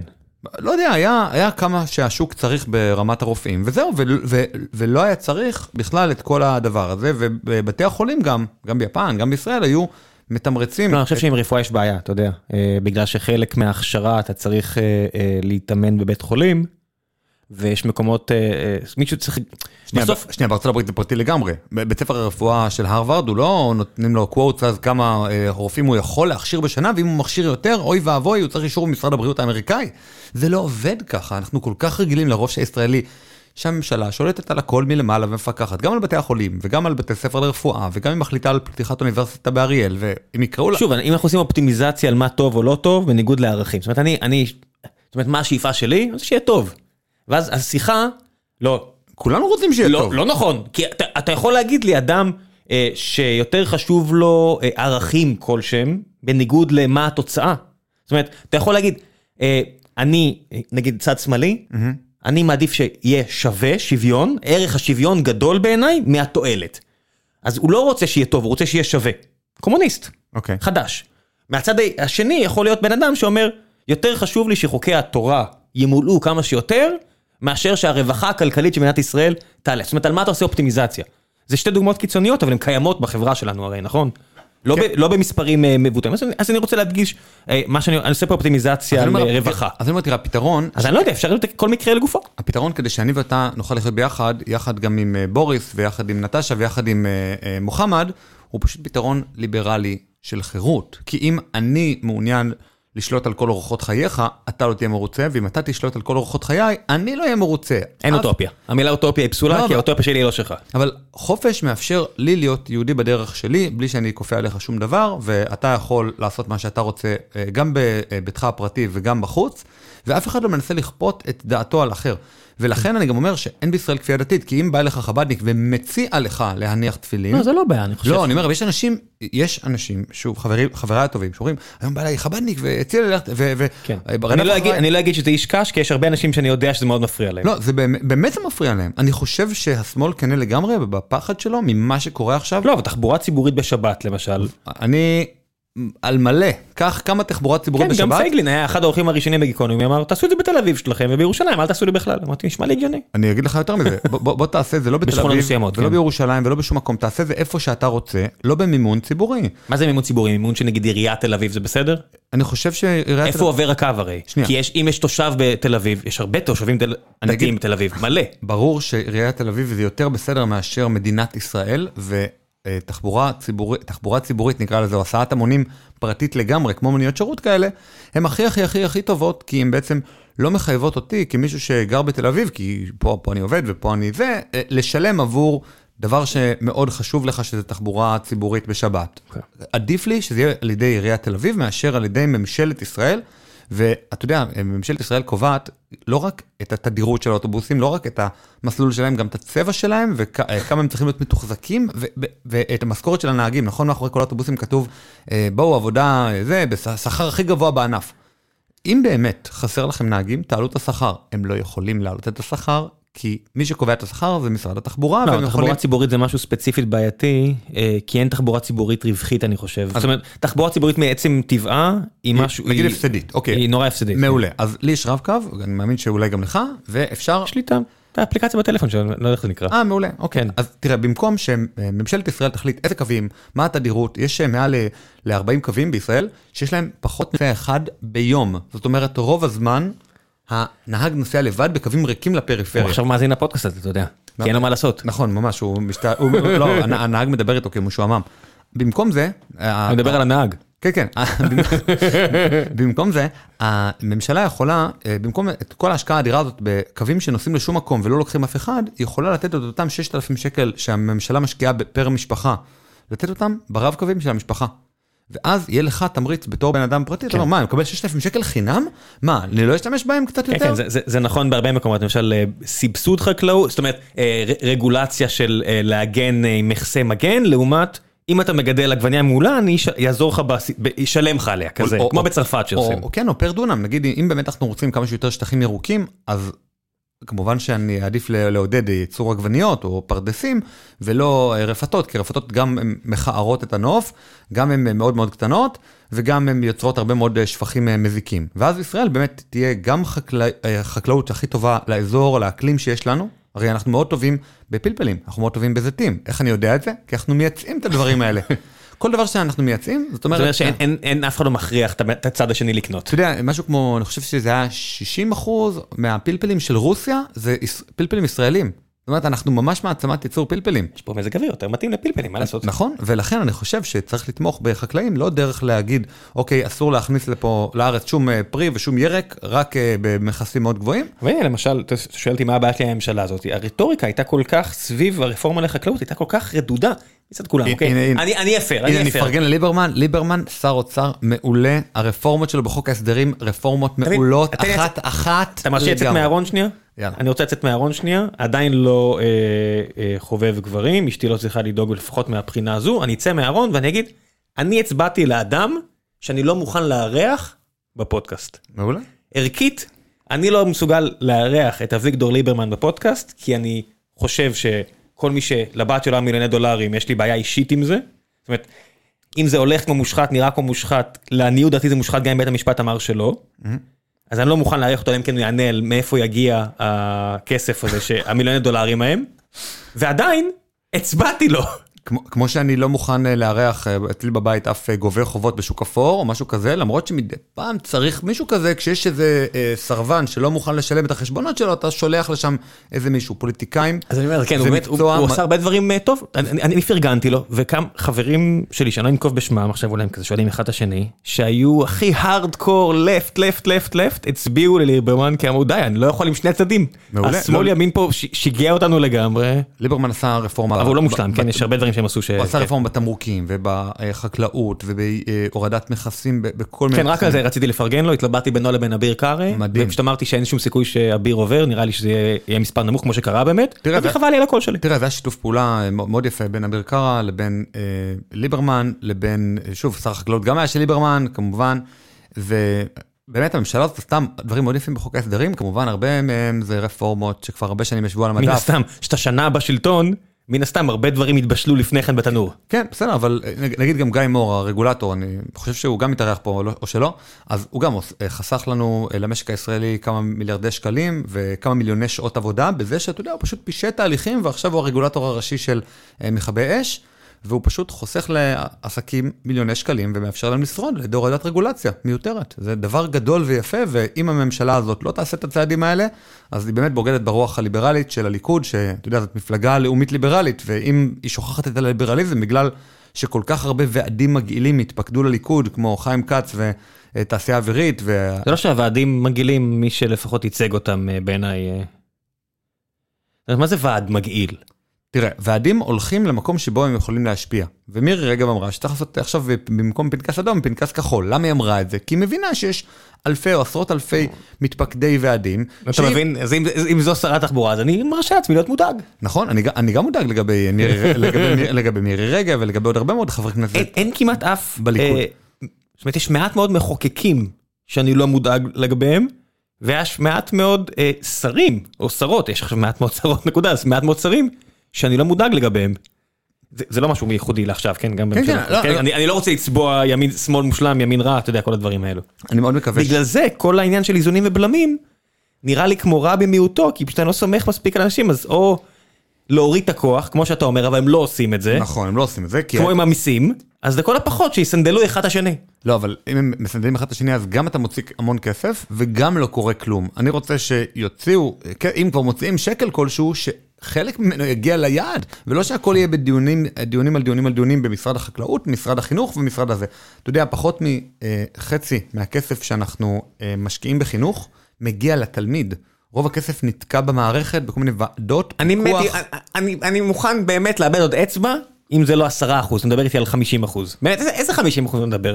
אם נצבע את כל הסבך הבירוקרטי, היה את הרפורמה עכשיו של הבגרויות, אוי, זה נורא. זה נראה לי משהו שהושקעו בו מאות אלפי שעות אדם, לגמרי. על קשקוש מוחלט, להבנתי מהצד. במיוחד שיש GTP שיכול לייצר את העבודות האלה בפחות מ-20 עזוב שניות. אני לא הולך ל-ChatGPT, לא יודע מה יכול או לא יכול, OpenAI ומייקרוסופט, שיהיה לבריאות, עזוב, אני מסתכל, זה לא הבעיות. זה לא הבעיות של המערכת, אתה, אני לא מבין מה אתה... ממש. זה כאילו יש בית בוער, והם עושים פיפי על עץ בצד ורבים על, על מי יעשה פיפי באיזה צד של העץ. אני, אני חייב לומר לך כמורה שהמצב הוא הרבה יותר חמור ממה שאתה חושב. אני ממש מזמין אותך וכל אחד אה, לבוא... לא, האזנתי לפרקים שלך, אני לא, שומע לא, את ה... בוא, בוא, עזוב, עזוב. גם יש לי, יש לי קרובי משפחה, אתה יודע, אני הייתי במערכת החינוך. עזוב והאזנת, אה, קשה לנו מאוד להיזכר בימינו במערכת החינוך, אני לפני איזה אה, שבועיים אה, גיליתי איזשהו סרט שלי בתור אה, תלמיד, שחבר צילם אותי עם מצלמה דיגיטלית, אתה יודע, 2005, אני די צעיר, אז עשה סרטון שאני מתווכח עם המורה של אלקטרוניקה. הייתי חצוף, מגעיל, גם אני. ממש תלמידים כאלה, אני, אני היום בתור מורה מסתכל עליהם במין מבט אה, כזה של אה, בוז ועוף מפה, מה, מה אתה בכלל מדבר אליי ככה? אני בכלל לא, לא, לא אמשיך את הדו-שיח. המצב הוא הרבה יותר חמור ממה שנראה לכם, והחוסר מעש והסטנדרטים הנמוכים הם הרבה הרבה הרבה יותר נמוכים ממה שנראה אני לכם. אומר לך למשהו עקרוני פה, אין לך יכול לבחור על מה אתה מלמד, אתה חייב ללמד משהו שאולי אתה לא מסכים איתו. גם בתחום הזה אני חייב לומר לך ש... אה, אין לי אפשרות לבחור כהורה לא. לאיפה לשים את הילד שלי. זה- הכי בעיה, למרות שבתיכונים אתה כן יכול, אבל אני חייב לומר לך שכשאני סוגר את הדלת וכשכל בכל מורה... הארץ? מה שאמרת עכשיו? כן, ודאי, מה, מה השאלה? בתיכון? לא יודע, אני בבאר שבע, זה מקיפים, מקיפים אזורים אני זוכר היה. לא, לא. היית הולך לאזור שלך. אז אה, סליחה, אולי בירושלים זה פתוח התיכונים, אבל אה, כן, שוב, פשוט עברו 30 שנה, אני לא זוכר אם. אתה שם, אה, אתה יודע, אפילו כיפה קטנה בגודל, בקוטר של 10 סנטימטר, אז אתה כבר יכול בעצם לבחור, אתה על אזורי, אתה יכול לבחור איפה אתה רוצה, כי בעצם במערכת הדתית, אפשר להגיד את הדבר, המשפט הבא, החילונים הם ילדי הכאפות של אה, משרד החינוך. מה זה אומר? זאת אומרת שלדתיים יש כל מיני תוכניות כאלה, תוכניות אחרות, פנימיות כאלה, פנימיות אחרות, אה, אה, בחירה מאוד גדולה לאיזה זרם דתי לשלוח וסטנדרטים. אתה יודע, המורה יכול להגיד, התלמיד לא מתפלל יפה בבית ספר, הוא, הוא, הוא בכלל לא, לא מגיע לתפילה בבוקר, שולח אותו החוצה. מה זאת אומרת? מבית ספר חילוני. לא, לא, מה אמרת עכשיו? מה זה אומר? אני לא מכיר. תראה, יש בתיכון דתי, אז בתיכון דתי מתפללים. אז אם, אם אה, יש תפילה והתלמיד לא מגיע, אז הוא יכול להגיד למפקח, התלמיד הזה לא דתי, אני שולח אותו שהוא יותר... זה קורה? זה נהוג? זה קורה, זה נהוג, כן. ובתיכון חילוני, גם תלמיד שזרק עליי כיסא, לא וואף, היה היה לא דוגמה היפותטית. היה- לא, לא דוגמה פתטית, היה מושעה שלושה ימים וחזר. אה, גם הנה תלמידה השבוע באחד בית הספר אה, במרחבי הארץ, חבר שלי אמר לי, גם אה, השחיתה רכוש, אה, הרביצה לתלמידה אחרת וזה, מושעת שלושה ימים, חוזרת כרגיל. אי אפשר לעשות להם כלום, הם מוגנים כמו פרחי בר, כמו אה, שרון בהתנתקות. אי אפשר לעשות לתלמידים כלום. יש להם זכות ללמוד, וגם אם, אתה יודע, היה, תלמיד לאחרונה שממש אה, חפן את הטוסיק של אה, איזושהי מורה. המורה לא חזרה יותר ללמד מרוב, אתה יודע, הטראומה, והוא חזר אחרי שלושה ימי השעיה. מה קורה פה? המערכת הזאת פשטה רגל, היא חייבת ממש להרוס ולהתחיל ולהתחיל אני מחדש. אני מודה שהיה לי חוויה כל כך... אה, אף אחד לא פגע בי, אף אחד לא, אתה יודע, לא עברתי אלימות, פשוט היה לי חוויה כל כך גרועה מבחינת מה שקיבלתי במערכת החינוך אה, שלי, ש- בחוויה שלי, אני אומר, כולם אומרים מערכת החינוך נהרסה. אני אומר, לא, לא, מתי? כולם אומרים, זוכרים שמרץ הייתה במערכת החינוך כמה טוב? ואמרתי, אני הייתי תלמיד כשמרץ הייתה, זה היה גרוע. זה היה ממש גרוע. אני לא חושב שהם אשמים כמו שזה תמיד היה גרוע, אני חושב. תראה, אני חושב שזו מערכת מהמאה ה-19 שכבר לא תקפה לסוף המאה ה-20, או לא יודע, שאני הייתי שנות ה-90 או 80, והיא לא תקפה בטח להיום. לא, אני חושב, אז אני לא בעד אה, חינוך אה, פרוגרסיבי, או חינוך, אתה יודע, של יושבים ביחד אה, מה זה המילה הזו בכלל פרוגרסיבי? מה, יש, יש דבר כזה. בסדר, זה כמו חינוך- ליברלי, אתה טוען אותה למה שאתה רוצה. לא, ממש לא. חינוך פרוגרסיבי זה זרם חינוך שהקים ג'ון דיואי. אה, אוקיי, זה דבר בחזרה. מאוד ברור, מאוד אה, ידוע. זה בעצם. חינוך שאומר שהמורה הוא לא איזשהו סמכות בדרג גבוה, והוא עכשיו יגיד לך את האמת, כי יש לך הרי את האמת בגוגל, בצ'אט GTP בכיס שלך, אתה לא צריך את המורה כדי את האמת על מה? יש לי את האמת על מתמטיקה, כל השאר זה לא אמת, זה נכון. דעות. אז, אז כבר אין מורה שהוא המלמד, והתלמיד שהוא לומד והוא מסתכל על, וסופג בשקיקה את דבריו, אלא זה יותר מנחה שעוזר לתלמיד לפתח את היכולות אה, סקרנות ורצון שלו בעצמו ללמוד. זה נשמע מעניין, אני יודע למה זה לא טוב. נשמע מעניין, העניין הוא שתראה, יש מעט מאוד אה, אנשים שהם באמת סקרנים מטבעם, שעכשיו גומרים ספר אחרי ספר, אולי קצת כמונו. לא יודע, לא יודע באיזה גיל, תלוי גם. נכון, אני גם בתיכון לא קראתי כלום, אבל אה, יש הרבה מאוד אנשים שאם אתה לא תחייב אותם ללמוד, הם לא ילמדו. אני אתן דוגמה, אני השבוע נתתי אה, בכיתת היסטוריה שלי, הבנתי שאין להם שום מה מושג. אתה מלמד? אתה מלמד היסטוריה? מלמד היסטוריה, תנ"ך, אזרחות, כלכלה, איך אתה לא משתגע מללמד היסטוריה נגיד? או היסטוריה זה נהדר. אני, לא, אני מת על היסטוריה. אבל איך אתה לא משתגע מללמד דברים שמשרד החינוך כתב, כשאתה יודע שבדרך כלל התמונה היא הרבה יותר מעניינת, צבעונית ו... אבל מי אמר שאני לא מלמד את זה בצורה מעניינת? מותר לך? ברור שמותר לי. תראה, כשאתה סוגר את הדלת, בסופו של דבר זה אתה והכיתה. ואם הכיתה עוברת את הבגרות בציונים נורמליים, או בכלל עוברת אותם בתיכונים פחות טובים, אף אחד לא יבוא לך בתלונות שפתחת דיון על אה, דניאל יונה גולדהגן וספרו תליינים מרצון בשירות היטלר, ועל זה שיחידות האייזנס גרופן הם בעצם לא, אף אחד לא שם להם אקדח לרקה, אלא הם רצו לרצוח יהודים. בניגוד לאחרים שמלמדים אה, שכן איימו עליהם? לא, תראה, בספרי הלימוד, בספר, בספרי הלימוד לא כתוב שום דבר על זה שהרוצחים אה, היו בעצם תליינים מרצון או רצו לרצוח. זה לא כתוב בשום מקום, כי בעצם זה מטיל אשמה מאוד גדולה על העם הגרמני.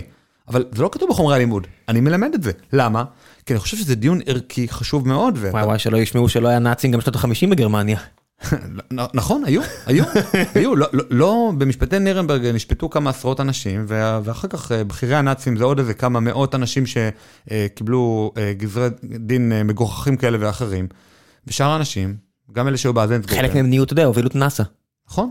לא, תראה, היה אה, גנרל נאצי אחד, אה, קוראים לו מיינשטיין, אה, שהוא... פון מאונשטיין. פון מיינשטיין, שהוא היה כל כך גאון, שהצבא האמריקאי לקח אותו לווסט פוינט, כמו- לה- להדריך שם את הגנרלים שלו. כן, למי שלא, תראו בנטפליקס אם אתם מנויים, מלחמת העולם השנייה בצבע, הבן אדם פחות או יותר ניצח את הצבא הכי חזק בעולם, הצבא הצרפתי. זה שאתם צוחקים על הצבא הצרפתי היום בראי ההיסטוריה, זה כי הבן אדם הזה פשוט מצא דרך לנצח אותו.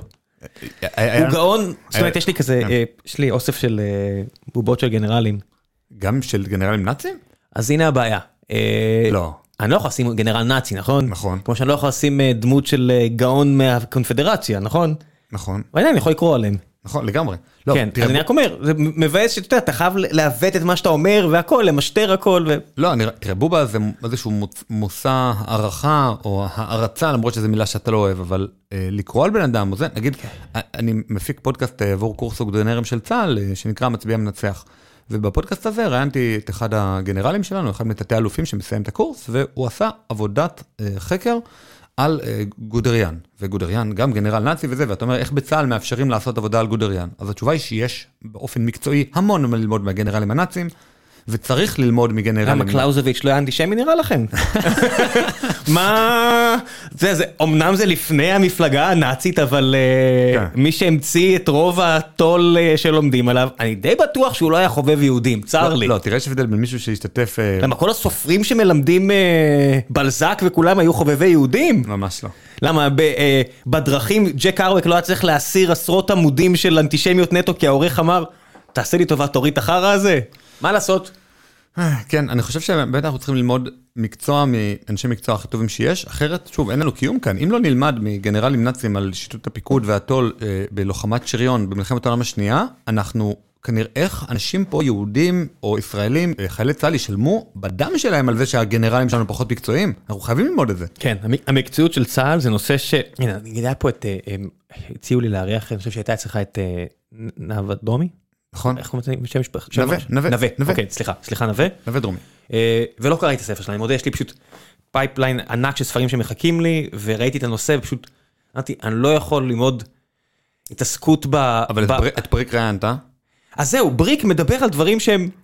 שחוויתי את צה"ל, ואני אומר, אוקיי, זה הסיבה שזה זה לא צבא טוב, הסיבה היחידה שלא הפסדנו זה כי אנחנו מתחרים עם גרועים. ממש. וואי, כשאני הייתי ביום הראשון לטירונות, או בשבוע הראשון, אח- אחרי שהודחתי מקורס טיס, אמרתי לעצמי, כנראה שהאויבים שלנו באמת גרועים, כאילו אנחנו גרועים, אז הם כנראה... אנחנו בינוניים מאוד, זהו, אז מבחינתי זה היה גרוע, אם לא ראית את ה... אתה יודע, מה שנקרא אויב סורי מחופר היטב, אני אומר, הם גרועים. הם גרועים? הם ממש גרועים. אנחנו נלחמנו היסטורית בצבאות מזעזעים, בכוחות גרילה מזעזעים, בטרוריסטים, שמנטונים, בחיזבאללה, מזעזעים, שאולי עכשיו הם טובים אחרי מה שהם עושים בסוריה, כן. מאחל לנו שלא, המזעזעים אה, מתו במלחמה, אתה יודע, אז נשארו רק הטובים. לא בטוח. יש הרבה מזל בלחטוף כדור בראש מרחוק או לא. לא, אבל אתה אתה אה, רואה את כל הסרטים על מלחמת העולם השנייה, תמיד ה-new guys האלה חוטפים כדור בראש ואחרי חמש דקות מתים. כולם מתו, ב- הרוב לפחות, בקרבות הגדולים, לא לא במערבית, במזרחית.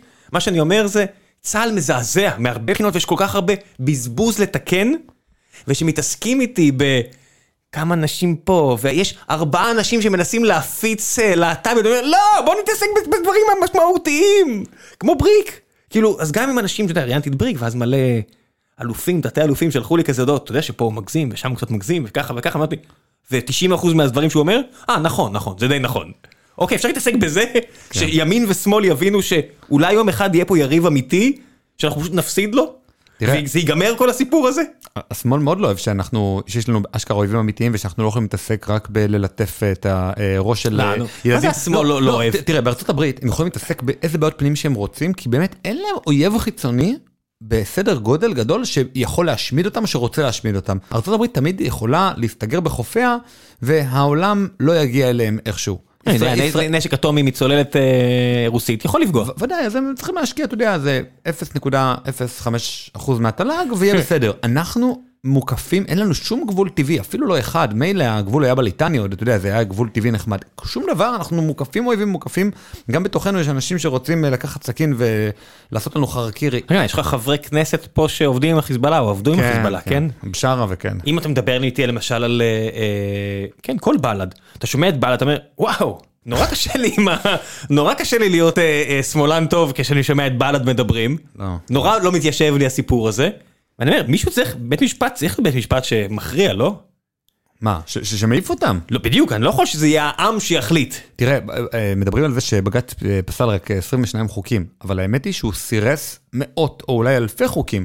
מה, מה זה, חוק, אה, סעיף אה, 4א או 7א לחוק יסוד הכנסת קובע שמפלגה שמעודדת טרור, או שיש במעשיה משהו חשש, זה פסולה. אז מה הם אמרו? בל"ד לא הגיע לרף הראי- הראייתי הנדרש. נראה לי שצריך להגיע עם חוגרת נפץ לתוך ועדת הבחירות המרכזית כדי לעמוד ברף הנדרש. זה גם משהו מאוד בעייתי, שבעצם בג"ץ יכול להחליט מה שהוא רוצה ואין שום דבר שמגביל אותו, גם בתחום הפרשנות. אתה יודע, חברי אה, זיו מאור, שהקלטתי איתו פרק אה, מאוד ארוך של שעתיים וחצי, מציע פתרון אה, שהוא מאוד רדיקלי, אבל ששווה לפחות לחשוב עליו של אי ציות לבית משפט. אם... בזמן שאתם מדברים על זה, דרעי כבר החליט שלא. אתה יודע, אל תשכח, מה, הוא החליט שהוא מתפטר? לא, אני צוחק, אני אומר, אני אומר, אה, אם אתם לא. מאזינים יומיים, הפרק הזה יצא רק יום שישי, אז אני אומר, בזמן שאתם מאזינים כבר בטח הוחלט לכאן או לשם. זהו, אז... אה, ב- יכול להיות שזה לא רק תיאורטי. אז מה הוחלט? הרי הוחלט שנתניהו צריך לפטר את דרעי. ואם נתניהו זה הוחלט? זה הוחלט. מה קנה?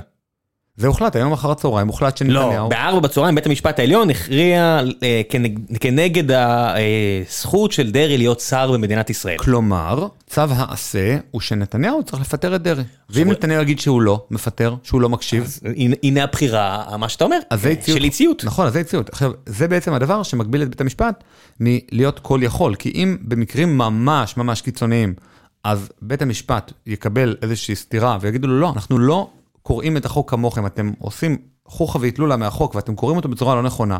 דרך אגב, לינקולן עשה את זה. לינקולן הפר את החוקה בפסק דין אה, מרימן, שהוא פשוט אסר אנשים במעצר מנהלי ליותר מאשר, אה, אתה יודע, 24 שעות, ומה שכתוב בחוקה האמריקאית של ההביאס קורפוס, כל אחד שנעצר צריך ל... לא, עם כל הבתי אה, מעצר האלה ליפנים שעדיין יש אנשים עם בטן מלאה על זה 80 שנה אחרי, זה היה חוקתי? על זה אני לא בטוח שהיו אה, עתירות לבית משפט עליון, שלא, ש, שאמרו צו עשה לנשיא, לרוזוולט, תשחרר אותם. אני רק אומר, שוב, כל מי שבטוח שחוקה והכל יגן על, על האזרחים מפני כל רעה חולה, אז כן, הנה עוד משהו, יפנים הושמו בתאי מעצר, גרמנים הסתובבו במנהטן וקרצו למי שהם רצו. מחנות מעצר. אומר. מחנות מחנות מעצר, כן. פגשתי איזה בחור יפני אדיר אה, בסן פרנסיסקו, שעדיין יש לו, אה, מוצא יפני, כן, או אמריקאי מידע, שסבתא הייתה במחנה מעצר, ועדיין, שלוש דורות קדימה, זה הופך לו את הבטן וזה מלהיט אותו תוך שנייה. כן, אז, אז, חוקה והכל. אז לינקולן, מה שהוא עשה, הוא עשה משהו מאוד מעניין, הוא אמר, אני עכשיו לא מקשיב לאותו אה, שופט, לרוג'ר הייני, שהוא היה אחד השופטים הגזענים והנוראים שהיו אי פעם בבית המשפט העליון, הוא בעצם אה, כתב את פסק דין אה, של דרד סקוט, שאמר שעבדים הם בכלל לא בני אדם, אין להם זכות עמידה, הם רכוש, ולכן הוא בכלל לא יכול לעתור בפני בית המשפט שלנו ושיעוף מפה. נכון. והוא כתב את זה, ואז הוא כתב בפסק דין, שלינקולן צריך לשחרר את מרימן. אז לינקולן אמר לו, לא, אני לא משחרר, הוא נשאר במעצר מנהלי, למרות שזה מנוגד לחוקה. גם אני מסכים שזה מנוגד לחוקה, אבל אנחנו כרגע במלחמה, ואם אנחנו לא ננצח במלחמה הזאת, לא תהיה חוקה. הוא כתב עוד פסק דין, אמר לו, אתה חייב עכשיו לשחרר. לא, אני לא... ושוב לינקולן סירב, מה שקרה זה שפסק הדין... נו ותראה לאיפה זה הביא אותו. שנייה, אז הייני שלח פלוגה של מרשלים, שזה משהו בין אה, משמר בתי המשפט לבין הוצאה לפועל, הוא שלח אותו אל אל הב- אה, אותו בית מעצר בשביל לשחרר את אה, אותו מרימן, ולינקולן שלח את צבא הצפון, ולרגע אחד במלחמת האזרחים עמד משמר בתי המשפט כנגד צבא הצפון, לא נורתה שום ירייה, אבל בסוף לינקולן ניצח במובן הזה של אותו מרימן לא שוחרר. ואם הייתה נורא יריית, רגע. נורא ירייה, זה. בתקופה שבה בגטיסברג נשחטו עשרות אלפים, כן? נכון, לא, אני מתכוון לא נורתה שום ירייה בין הרשויות. כן. ובבחירות שלאחר מכן, כשבאו המתמודדים נגד אה, לינקולן ואמרו לו, אתה הפרת את החוקה, הוא אמר, נכון, הפרתי את החוקה, ועל זה הבחירות. כלומר, אם אתם רוצים לבוא ולהדיח אותי מלהיות נשיא, כי הפרתי את החוקה, תעשו את זה, והם לא עשו את זה. והנה, באמת העם האמריקאי הכריע שיותר חשוב שתהיה חוקה מאשר... פקודה בלתי חוקית בעליל. אה, מה, איך זה קשור? מה זה פקודה בלתי חוקית בעליל? המפקד נתן לך הוראה ואתה החלטת, לא, לא מוסרי בעיניי, תשפטו אותי רטרואקטיבית. אה, כן, כן, כן, ודאי. אני אומר, זה אותו היגיון. נכון, זה אותו היגיון. כן. אני אמור לבצע כל מה שהמפקד אומר לי, זה החוק, אחרת אני בכלא. כן. נכון? אנחנו חיים במדינה... אתה יודע כמה פעמים סירבו לי פקודה בתור מפקד? וואי וואי וואי וואי, אתה אומר, בצה"ל אין משמעת, אתה אומר לזה חייל לעשות מה שהוא אומר, לא, אבל אסור וזה, ויש לי פטור, ופה ושם. גם צה"ל, זה הכל בועות. בבועה שאני חייתי, שתינו מים חמים עד שאנשים השתינו על עצמם, ואז באו באו בנקמה על אותו על אותו מפקד, אבל אנחנו היינו כמו, לא יודע מה, כמו איזה פלוגה ב-30, ב-40, בלי לא- בלי- להגיד מילים, אבל זה הכל בועות, תמיד כל מקום והבועה שלו. לא, אני הייתי בשריון, זה מקום מאוד בינוני, כמו שאמרתי. לא, הייתי גם עם שריון, זה- היופי בלהיות איפה שאני הייתי, כל- ערב עם מישהו אחר, אבל אה, כן, אתה יודע. אה, כן. אה. לאיפה זה הולך כל הסיפור הזה? לא יודע, אני אני מאוד מפחד, אני חושב שכולנו צריכים לרסן את עצמנו קצת אה, במלחמה הזאת של הדעות, לשמוע את אולי לא נשתמש במילה מלחמה, וואו, ממש. דיון. אנחנו צריכים בוויכוח הציבורי ממש לרסן את עצמנו ולנסות להקשיב לאחר. אה, אני ממש פונה כאן אה, גם למאזינים שלך ואני אומר אם יש מישהו שאתם חושבים שכדאי שאני בתור אה, ימני שהוא נגד... אה, תארח את אפרת רייטן, היא בדיוק שולחת את הצבא שלה. אז אני מוכן לראיין גם את אפרת רייטן וגם את אה, עזמי בשארה אם הוא אה, יחזור מהגלות שלו, אה, מבא- מאיפה הוא. עכשיו יושב בקטאר. אני מוכן לראיין כל אחד, גם אה, אנשים שהם ממש אה, לא בעד אה, מדינת ישראל. אומרים שהוא מבריק.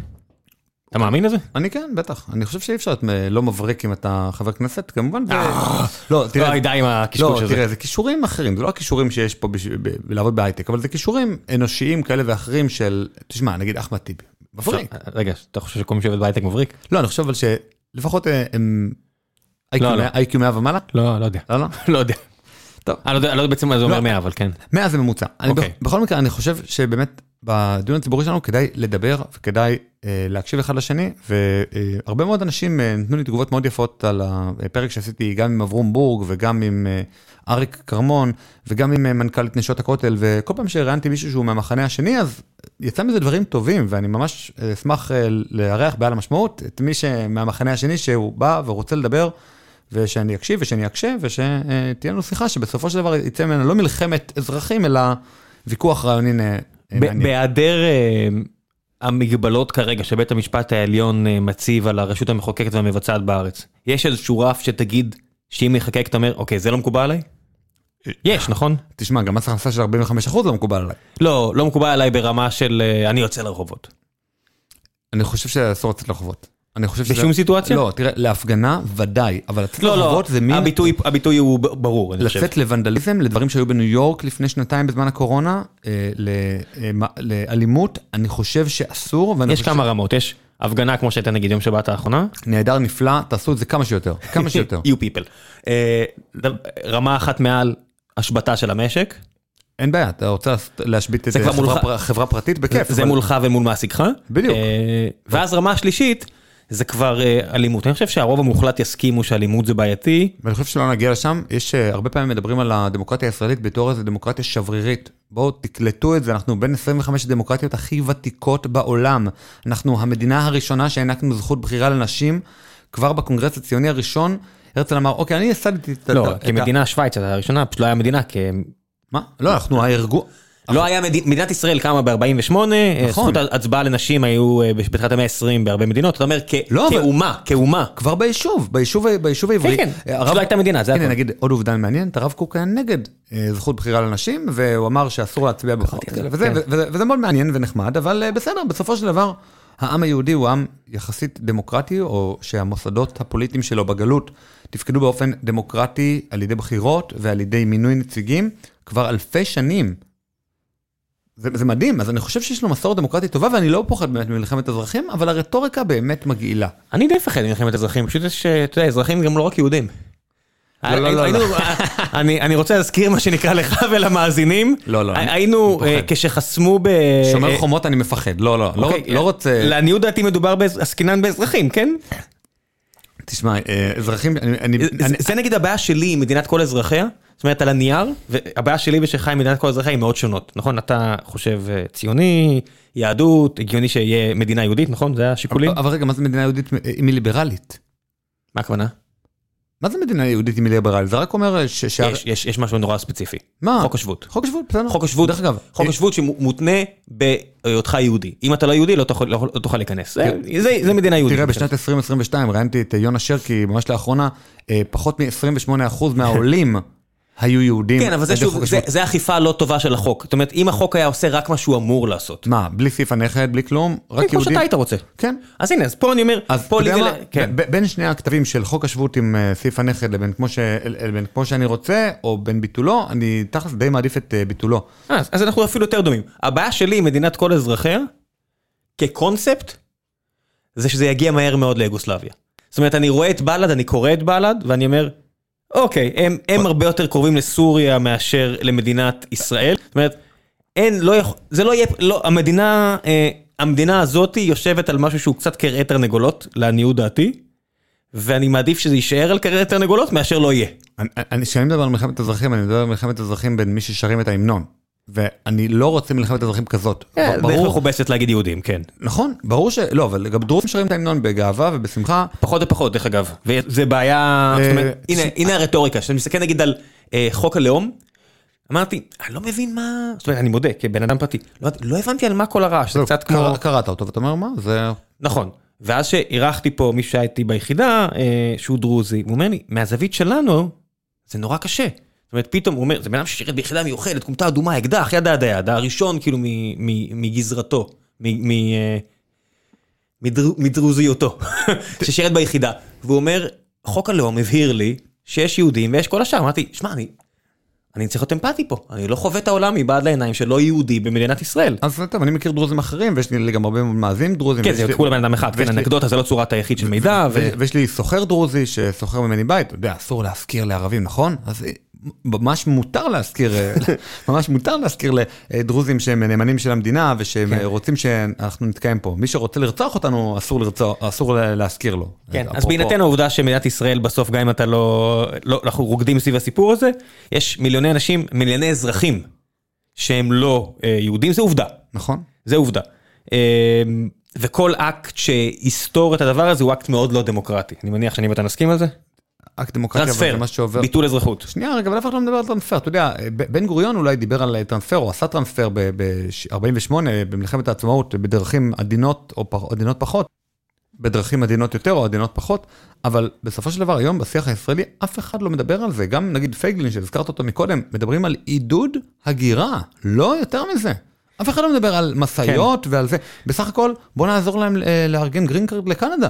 יש הרבה מאוד ישראלים שרוצים להגר לקנדה, כן, לא בין יהודים ובין ערבים. לי תמיד היו ריבים אה, פוליטיים בעבודה, אה, בין השאר עם איילת שקד ואחרים שעבדה איתי, ותמיד היה לה איזה טיעון כזה, עכשיו אני זוכר מהזיכרון לפני 15 שנה, כן?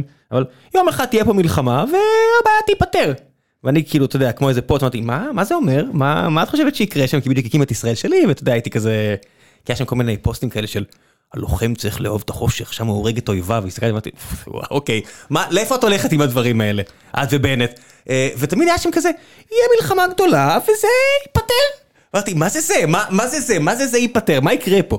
אז אם אתה יודע, מה זה, אם אתה נותן מענק לבן אדם שיעזוב לקנדה, אוקיי, לא הכי נחמד, אבל זה לא זה. יש הרבה אנשים במדינת ישראל שמדברים על טרנספר. המון, לעניות דעתי. אני, אני מסתובב במקומות הלא נכונים כנראה, אני לא שמעתי אף אחד מדבר על טרנספר. מה שנקרא. חבריי מהבית יגידו את זה. ואני לא מכיר אנשים. אני, אני מכיר, אני אומר, אני מדבר על עצמי, לא עליך, אני לא אומר, אני לא אומר פה, אני לא משליך עליך. לא, אבל אני אומר תראה, חבריי מהבית. החלפנו תפקידים, אני כאילו בחוגים הימניים. אני גדלתי בבאר שבע, אתה. גדלת בקריית אונו, בוא. נווה מונוסון, כן. כן, נו, מה לעשות? אה, מסורתית. יש הרבה דעות כאלה באזורים כמו שאני גדלתי. באזורי חיכוך, נכון, מי שגר ליד הערבים, אז אה, חווה אותם הרבה יותר, וגם הם מפריעים לו הרבה יותר. נגיד, אה, אה, אני בשכונה שבה אני גר, יש מואזין, באמצע הלילה, וזה מפריע. לא, אני חושב, דרך אגב, אני יותר הכי מרחם על מי שגר ליד המסגד.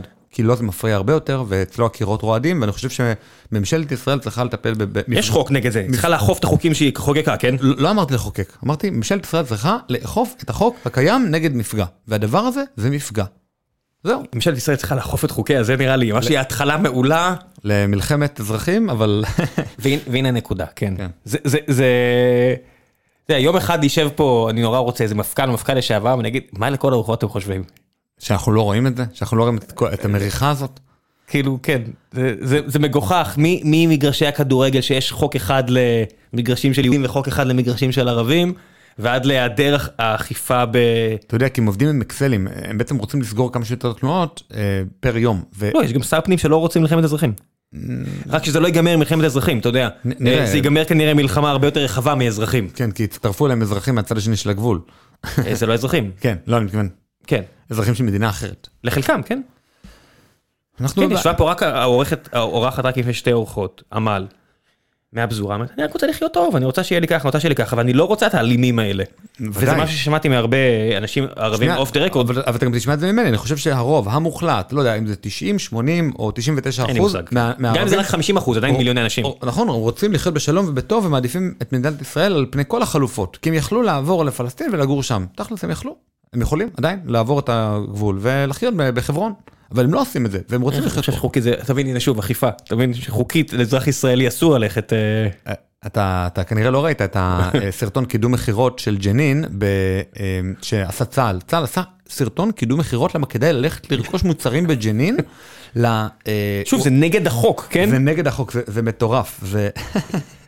איי, חבל שבגיקונומי אי אפשר להשמיע דברים, אבל זה לא, לא, ממש, תעשה לי את זה. זה ממש הזוי מה שקרה שם עם... אה, פשוט שתבין, צה"ל פועל, פועל נגד החוק ומעודד אזרחים ערבים ישראלים לעשות שופינג בג'נין, ואז לקחו איזה אחד דרוזי כבן ערובה, או אה, גנבו את הגופה שלו, אני לא זוכר כבר מה עשו לו, ואז... הם רצחו אותו, זה מה שקרה, הם כן. רצחו אותו ולקחו את גופתו. בדיוק. כי הוא עדיין חי, כשהם רצחו אותו, כן. כן. ואז, הם לקחו אותו. ואז הדרוזים אה, תפסו כמה פועלים. שוב, ואז אני רואה אנשים מראים לי את זה בגאווה, ואני אומר, אה, אתם כאילו לא מבינים שהחוק הוא חוק. זהו. גם אם הוא משרת אתכם, לעבור עליו זה לא... אנחנו לא פלנגות. אבל כנראה שכן. כנראה שכן. חבל. כנראה שכן, כי הרבה אנשים נורא התלהבו מ- אה, מזה שכמה דרוזים לקחו את החוק לידיים, ואני אומר, ושזה יסתובב עליכם, תראה, אתה יודע, זה נאמר כבר בגמרא, שלולא מוראה של מלכות, זאת אומרת, ללא זה שהמלכות או השלטון יהיה חזק ואימתני, איש את רעהו חיים בלעו. זאת אומרת, אדם יעשה לחברו דברים נוראים, זה מאוד מזכיר את uh, האמנה החברתית uh, של הובס, שהוא אומר את זה, את אותם דברים בדיוק. כן, אז uh, הקיום האנושי בהחלט היה יותר אה, אלים ומלוכלך, כמו שהובס אמר, כמו שעדיין, אם תלכו ללא יודע למה, ליבריה או נמיביה, או להרבה, או להרבה מקומות בארץ שהפקרנו אותם, זה נורא. שהפקרנו אותם. אני- כן, אתה יודע ש- נראה מה בן גביר יעשה, לא יודע, זה שאלה... שסייד קשוע היה כותב אה, טור אחרי טור על האלימות בחברה הערבית, כולם, "אה, זה מצחיק, זה הבחור מעבודה ערבית, ואני אומר, איך אתם לא מזדעזעים מהדבר הזה? הוא כותב על גיהנום שבו יש ירי כל לילה, ועכשיו יש לי חבר שגר בכרמית ואומר, כן, כל לילה אני שומע פה ירי. ואז אני שומע אנשים, "מה, אבל הוא מתנחל בתוך החברה הבדואית. תראה, הרבה פעמים אני שואל למה נגיד נתניהו בכל הממשלות האחרונות אה, לא עשה עם זה כלום, למה הוא נתן לזה להתפתח? ו... אה, הוא לא רוצה מלחמת אזרחים. לא, כי, כי פשוט הוא אומר נדחה את זה עד אחרי שנטפל באיראן ואז הוא ידחה את זה אחרי שימות. אני לא יודע מה יקרה. הוא בן 70 פלוס, אני מניח שהוא לא רוצה להיות חתום על הפארסה שתהיה הדבר הזה.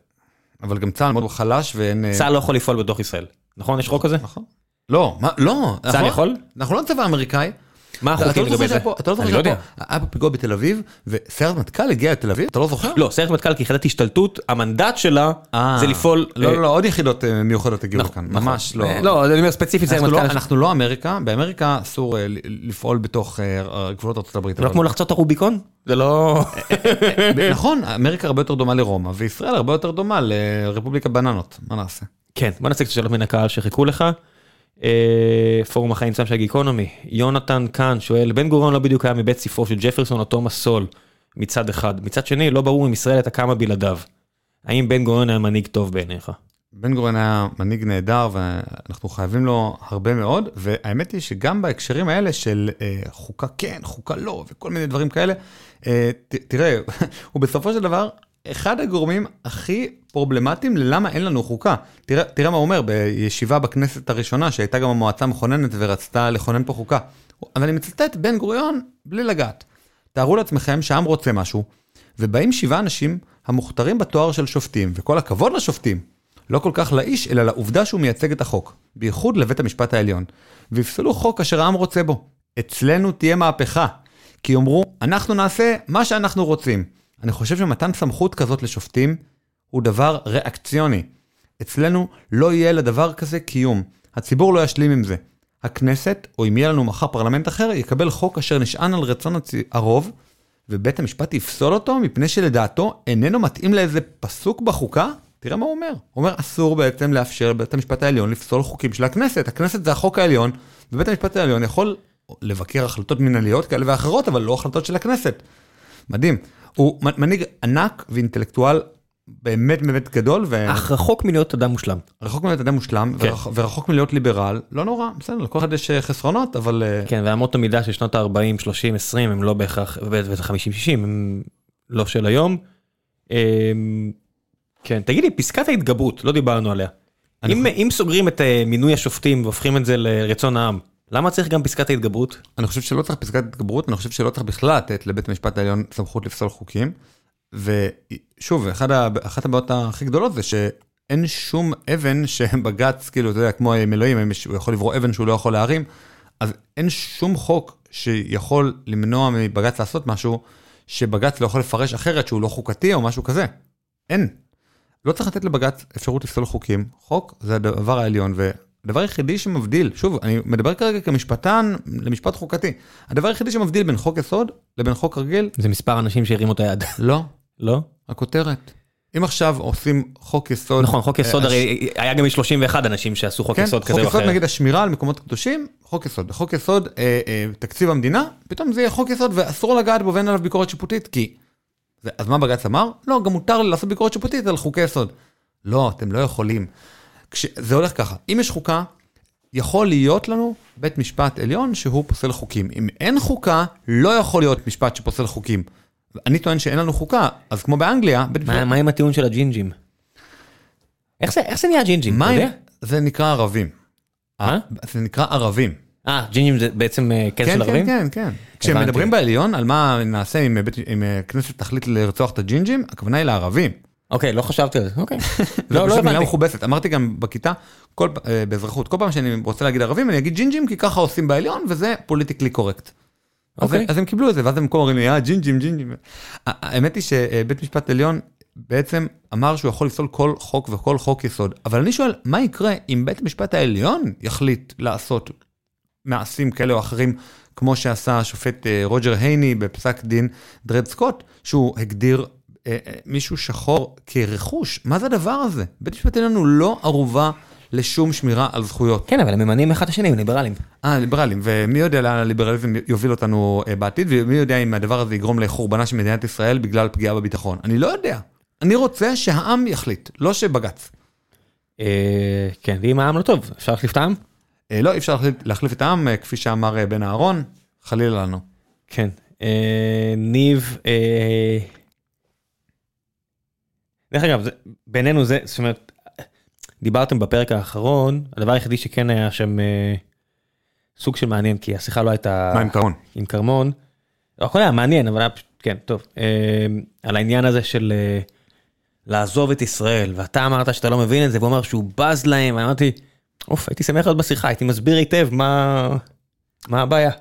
זאת אומרת, לי אין בעיה שאנשים יעזבו את ישראל אם הם לא רוצים לגור פה. כן, אני אומר, אם אני... אבל אל תאיימו, אל תאיימו, אל תהיו גיא מרוז שאומר אני אעזוב את ישראל ואז אחר כך אומר לא זה נאמר בלהט הרגע. אתם רוצים לעזוב? גם תעזבו. כן. יש לי אח שגר בקליפורניה, אפשר להיות טבעוני, אפשר להיות טבעוני גם בלי להגיד... אה, לי לדבר על זה כל חמש דקות. יש לי כן. אח- יש לי אח שגר בקליפורניה וזה כואב לי וזה עצוב, אבל שוב אני מבין שהוא בחר בחירה לא לגור בישראל מסיבותיו שלו, בסדר, אבל הוא לא כל הזמן מדבר על זה ומנסה למשוך אותי לקליפורניה, הוא פשוט עזב וזהו. כן, לא, דיברתם שם על מה זה האנשים האלה ולמה זה קורה, אני, אני יכול לתת את התשובה שלי לפחות. זאת אומרת, כל עוד הוריי חיים אני לא אעזוב, ככל הנראה. מה שמפחיד אותי זה נורא פשוט. שישה פסיק משהו ילדים לאישה חרדית, 50% תעסוקה לגברים, חמישה ילדים לאישה אישה בדואית, אין סוף בעיות, אף אחד לא מטפל לא בזה ולא בזה, מטפל, זאת אומרת, במובן של מה שאני רוצה שיקרה. המדינתי. לא, מטפל, אכפת לי איך. מה זה מטפל? תראה, מה, זה- מה זה מטפל? כן. אומר שלא יהיה 50% אבטלה בקרב גברים חרדים, והשכלה ששולחת אותם, נותנים לי טיעונים של, תראה, בסין יש פחות ילדים, והם עכשיו יהיו בצרות, והכל אומר, כן, אבל זה לא שאני צריך מפעלים פה. תראה, זה אולי- לא שהאוכלוסייה פה עובדת במפעלים ואני צריך עוד ידיים עובדות. אולי אני חי בבועה, אני גר בגבעה הצרפתית בירושלים, ויש בשכונה הזאת בערך, לא יודע, שליש חרדים, או 20 אחוז חרדים. גם לי, גם שנייה, חרדים עובדים עם, רכ... עם רכבי... 50% עובדים, אתה יודע, סטטיסטית, אתה תפגוש מלא אנשים שעובדים. לא, אז אני אומר, הציבור החרדי הולך ועובד יותר ויותר ויותר ויותר. לא, ויותר. סטטיסטיקה מראה שלא. אז, אז, אז אולי אני באמת חי בבועה. עזוב, אני אני לא יודע איפה, את- זאת אומרת, אני לא מכיר, אני לא- כן. בוא, בוא, בינינו, בינינו. חרדים אוהבים לעבוד בשחור. זה, זה מה שקורה. כן, אבל- אז בסטטיסטיקה הם רשומים כמובטלים, כפה, כשם. הכל טוב, אבל כשאני מסתכל על הארנונה בירושלים, שהאדם שמשלם צריך לשלם הרבה יותר, נכון. אני אומר, אני רואה עתיד שבו אני אשלם המון המון המון מס, אם אני ארוויח היטב, אתה יודע מה יפתור את זה? ואקבל מעט. אתה יודע מה יפתור את זה? ליברליזם. שאתה לא סבבה. ברגע שאתה לא תיתן קצבאות, שאתה לא... זה- יהיה יום אחרי שתעשה חוקה פה. לא, לא, לא, לא, לא. אני חושב שהנה, תראה, נתניהו ב-2003 במשבר הכלכלי, הצליח לקצץ מאוד מאוד את הקצבאות, ואני ממש, תראה, אני... רק לפני כמה שבועות הוא דיבר אצל ג'ורדן פיטרסון על הסיפור הזה. רק שהמרחק בינו לבין אה, בין בין מחשבותיו- מחשבותיו למעשיו גדול. רק חבל מאוד שפיטרסון לא ידע לעקוף אותו מימין. זה, זה ממש חבל. אני, אני תמיד אוהב לקחת אה, ימ- ימנים כאלה שמדברים על ליברליזם וזה, ופוליטיקאים, אני עוקף אותם מימין דרך הליברטריאניזם, ופתאום הם מתחילים לגמגם. הנה, עשיתי רעיון עם סמוטריץ', כן, גמגם, מה לעשות? ברור, אני גם רואה אותו מיד כשר אוצר. לא, נכון, ואני, דרך אגב, סמוטריץ' הוא, אפשר להגיד, הרע במיעוטו בתור שר אוצר, אני חושב שהוא... למה רע במותו אם היה לנו אחד טוב לפני כן? לא, אני חושב שהוא יהיה אפילו אולי יותר טוב מליברמן. נחיה ונראה. כן. אה, אני מניח שיהיה לו ארבע וחצי שנים. הנחת המוצא שלי. אני מאוד כי מקווה. המחליף שלו בדיוק נפסל. אז אתה גדיש. אני אני מאוד מקווה שהוא יעשה רפורמות כלכליות, כי באמת הלב שלו במקום הנכון הוא כן ליברל, שוב, יש לו מגזר לרצות, אבל בסופו של דבר יש לנו אתגרים כלכליים מאוד גדולים, גם בציבור החרדי וגם בציבור הערבי, ואנחנו חייבים לעלות בדירוג שלנו במדד החופש העולמי, במדד אה, קלות עשיית עסקים של הבנק העולמי, ובכל מיני מדדים אחרים, כי פשוט משקיעים, משקיעים כסף בישראל על סמך קלות עשיית עסקים. גם בין השאר. אז הנה, אם שואלים אותי, בשלב מסוים, אם המדינה פה לא תהיה מדינת עולם ראשון. ודאי, אני מניח שאני כבר, אני כבר לא ילד. טובי המוחות יעזבו. לא יודע אם טובי המוחות, סתם אנשים שחפצים בחיים טובים. אבל עם פריון גבוה, כי אנשים עם פריון נמוך, אין להם לאן לעזוב. לך יש פריון גבוה, אתה תעזוב. אני לא בטוח שיש לי, אני אזרחות אחרת וככל שהשנים עוברות. לא, בסוף זה, זה אפילו לא התעממות, בסוף יש גם עובדות, כן? החל מגיל מסוים, אם לא צברת מספיק הון, אף אחד לא חפץ בך, כי כבר עברת את הגיל. אה, מאוד יכול להיות שנהיה שם עוד מעט. אז כן. טוב. אני אהיה כמו המהגרים שהגיעו מרוסיה, שיגיד, פעם הייתי CTO, עכשיו אני עושה מה שצריך כדי להתפרנס. בסדר. אני, זה מה שעובר לי בראש. מדינת ישראל חייבת להילחם על זה שהיא תהיה במקום טוב כלכלית, כי אחרת באמת יעזבו כאן הרבה מאוד אנשים. זה מה שחסר לי. אנשים הולכים אחרי הכסף, ואנשים לא הולכים אחרי אידיאולוגיה. לא רק כסף, גם- אה, איכות חיים, איכות שירותים, שה- שה- שהסייעת... אפשרויות, אה, כן, אפשרויות. תמיד יש פה אנשים, אה, נועה דלת, אוקיי? סופר ימני, לוחם MMA. אני מאוד מחבב, למרות שפוליטית אנחנו משתי קצוות שונים, הוא רצה להיות כמו נתן לוי, עוד לוחם MMA, הוא רצה להילחם ב-UFC. אין אוקיי. פה מקום להתאמן. היה צריך לעזוב לווגאס או לקליפורניה, אחד ואחד. אוקיי. יש פה כל מיני דברים, אם לא יהיה לנו את האפשרויות האלה, יקומו וילכו, בסוף אנשים רוצים את מה שמושך אותם, מה שאין, אם נצטמצם עוד ועוד מבחינת המגוון אפשרויות, זה גם מד- מדאיג אותי, זאת אומרת, אם כל מה שיהיה אפשרות להתפרנס פה בצורה איכותית, יהיה tech, ו tech מכיוונים נורא ספציפיים, אפילו לא הייטק, רק tech, זה גם מדאיג אותי ברמה האישית, כן? זה מאוד מדאיג אותי, נגיד, תשמע, כל תעשיית הקבלנים והשיפוצניקים בלוס אנג'לס הם כולם כולם ישראלים. אה, לא, לא, לא, הרבה מהם, הרבה לא, מהם, כן. שנייה, נסעתי עם אח שלי אה, שם אה, בשביל להציע הצעת מחיר לאיזשהו לקוח שלו, והוא קיבל עכשיו איזה, נתן לי הצעת מחיר, הלקוח הסכים, הוא בא, מרים טלפון אה, לאיש משרד בבק אופיס, אומר לו, תוציא לי מח- למחר היתרי בנייה, 1, 2, 3, 4, 5. בישראל לוקח חודשים, אולי שנים להוציא היתרי בנייה, הוא הוציא לו למחרת בבוקר. זה מטורף. חודשים ושנים בכלל זה יקרה. יש פה סיפורי אימה, אני רוצה נכון. להביא איזה יזם נדל"ן שאני קצת קשור אליו עכשיו, שיספר על זה, אני לא, פשוט לא, חושב שהוא מפחד, הוא מת מפחד, לא. כי התנקמו בו. יש לי, חבר, זה כזה מדינת עולם שלישית פה. יש לי חבר אה, יזם קבלן, אה, אה, ויזם בירושלים מהגדולים, הוא אמר, מאז הולילנד אנחנו עושים הכל חוץ ממעטפות, אבל הכל חוץ ממעטפות. זאת אומרת, הם כן למדו את הלקח, אבל עדיין אי אפשר לקדם פה שום דבר בלי לשמן אנשים בדרך, זה נורא ואיום. מדינת עולם, הודו. ממש. אז זה מה שמפחיד אותי. זה מפחיד אותי. זאת אומרת שהוא, ש- שהבחור אה, מהמכון דמוקרטיה אמר אני בז לאנשים לא, לא, לא בז להם. איכות חיים. מי שלא, מי שמרגיש שאין לו פה איכות חיים, יקום וילך. אבל שלא ידבר על זה, שילך. כן, בסוף, מה זה שלא ידבר? כל אחד שיעשה מה שהוא רוצה, אנשים מדברים על שטויות, כן? אני צוחק. אה, כן, זה בהחלט מעיק, כן? כן. גם ה... כאילו כל מיני אופניקים כזה, אוף, האוכל לא טעים, האוכל לא חם, כן, האוכל גם- זה, גם- המזגן פה לא עובד. גם מהגרים שגם עוזבים למקום אחר, ואז לא מפסיקים לחפור על ישראל, אחרי. שכבר כן. עזבתם. או עוקבים אחרי חדשות ישראליות. נגיד, אני. עזוב את זה, הם עברו להודו, עברו לפורטוגל, אני אומר, אוקיי, עברת למקום שאין בו מים זורמים להרבה מאוד מקומות, עברת למקום עם, גם עם בעיות, גם אם אולי יותר טוב, גם- עדיין תעסקים אחורה. למה חברך דורון כל הזמן מדבר על חדשות ישראליות? למה הוא לא חי את חייו באמריקה וחי שם באנגלית? לא, זה, לא, לא. זה מאפיין אה, הרבה, אתה יודע, זה כמו ש... לא יודע, הרבה אנשים... אה, אבא שלי הגיע אה, ארצה בשנות ה-70 מברית המועצות. הוא המשיך להתעניין במה שקרה שם, בתרבות שיש שם וכו' וכו'. זאת אומרת, תחשוב, זה בן אדם ש-50 משהו שנה חי במדינת ישראל, 20 ומשהו שנה חי בברית המועצות, ועדיין יש לו איזשהו חיבור. כן. למקום שנולדת יש חיבור, אני- אין, זה פסיכולוגיה, כן? כן, לא, אז מאוד מצחיק אותי כל מיני אנשים שעוזבים את הארץ וממשיכים להיות מחוברים ב- אה, לשד עצמותיהם לחדשות, הם יודעים ראשונים מה קרה בפסק דור דין של זה דרעי. נגמר. נכון. ודור אחד אחרי זה זה נגמר. ודור אחרי זה הם מתבוללים, 95% מבני היורדים מתבוללים. זאת אומרת, אם- כן, זה, זה גם משהו זה נתון הזוי. שאני שמעתי את הכאב בקולך. ממש. יש שני דברים שאני... לא, תראה, יש לי- אח, אני לא רוצה ש-95% מהאחיינים שלי יתבוללו. אני יודע, זה- לך זה כואב. לי זה כואב. וכשאני נולדתי, הרבה שנים חייתי בתפיסה שזה יכאב לי, ואני כבר לא שם. זאת אומרת, אני גם כנראה פוטנציאל לזה, זאת אומרת, איך זה בא לידי ביטוי? אם בני יבחר להתחתן עם גויה, אני לא אגיד לו כלום. כן.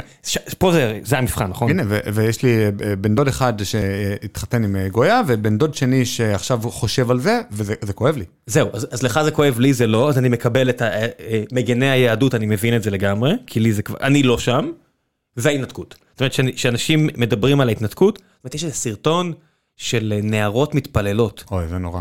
תפילת הבנות. תפילת הבנות. של רינו צרור, אני חושב. כן, נכון? איפשהו, והרבה אנשים אומרים לי, תקשיב, תשמע את זה, זה מעלה לי בכי כל פעם והכל, ואנשים יכעסו עליי, אתה אולי גם, לא. ראיתי את זה, אני בעד התנתקות. לא, עזוב בעד התנתקות. I don't get it. זאת אומרת, אני מבין שרע כרגע לאנשים האלה, אבל זה קצת כמו שאני אספר לך, בואנה, תקשיב, הפועל באר שבע הפסידה, הפסידה את האליפות, אה, או שהפועל באר שבע לקחה את האליפות, בכיתי מאושר, ואתה תגיד לי, אוקיי, weirdo, whatever. לא, לא, ספורט זה ספורט. לא, אבל אתה מבין, זה קצת, אה, אתה יכול להיות אמפתי, אשתי יכולה להבין אותי, והיא תצא מהחדר ותגיד, סייקו, תראה אותי צורח, תגיד, סייקו, ואני אני, אני אשכרה מקטלג את זה תחת שם. זאת אומרת, אני מבין שדת והחיבור השורשי לאדמה, לרגבים, זה משהו ש... ברגע שאין לי אותו, אז אין לי אותו. לא, תראה, זה חיבור לבן דוד, לאח, לזה, לא זה, והסרט נקרא דרך אגב תפילת הנערות. כן. של רינו צרור, לא כן, הבנות. ואני יודע שכל מי שרואה את זה מהצד השני של המפה הפוליטית, זה כאילו, אולי גם מהצד הראשון, כן? שווה לראות, אחלה מצלת כן, כן, כן, כן, אני לא אומר שאני לא ממליץ, כן? אני פשוט אומר, אני לא מצליח להרגיש. ואני מבין שזה כבר, זה- יש פה איזשהו פתח שנפער, זאת אומרת, אני מבין שההתנתקות פערה פתח שעכשיו בא לידי ביטוי. זאת אומרת, אני רואה הרבה מהשיח. עכשיו עם, עם המהפכה של יריב לוין, הכל חייב להיות בומבסטי. אני מבין שזה בסדר, זה שינוי גדול. זה כזה, נראה להם את זה, מה זה, היה לה התנתקות, ואני עושה, וואו, אוקיי.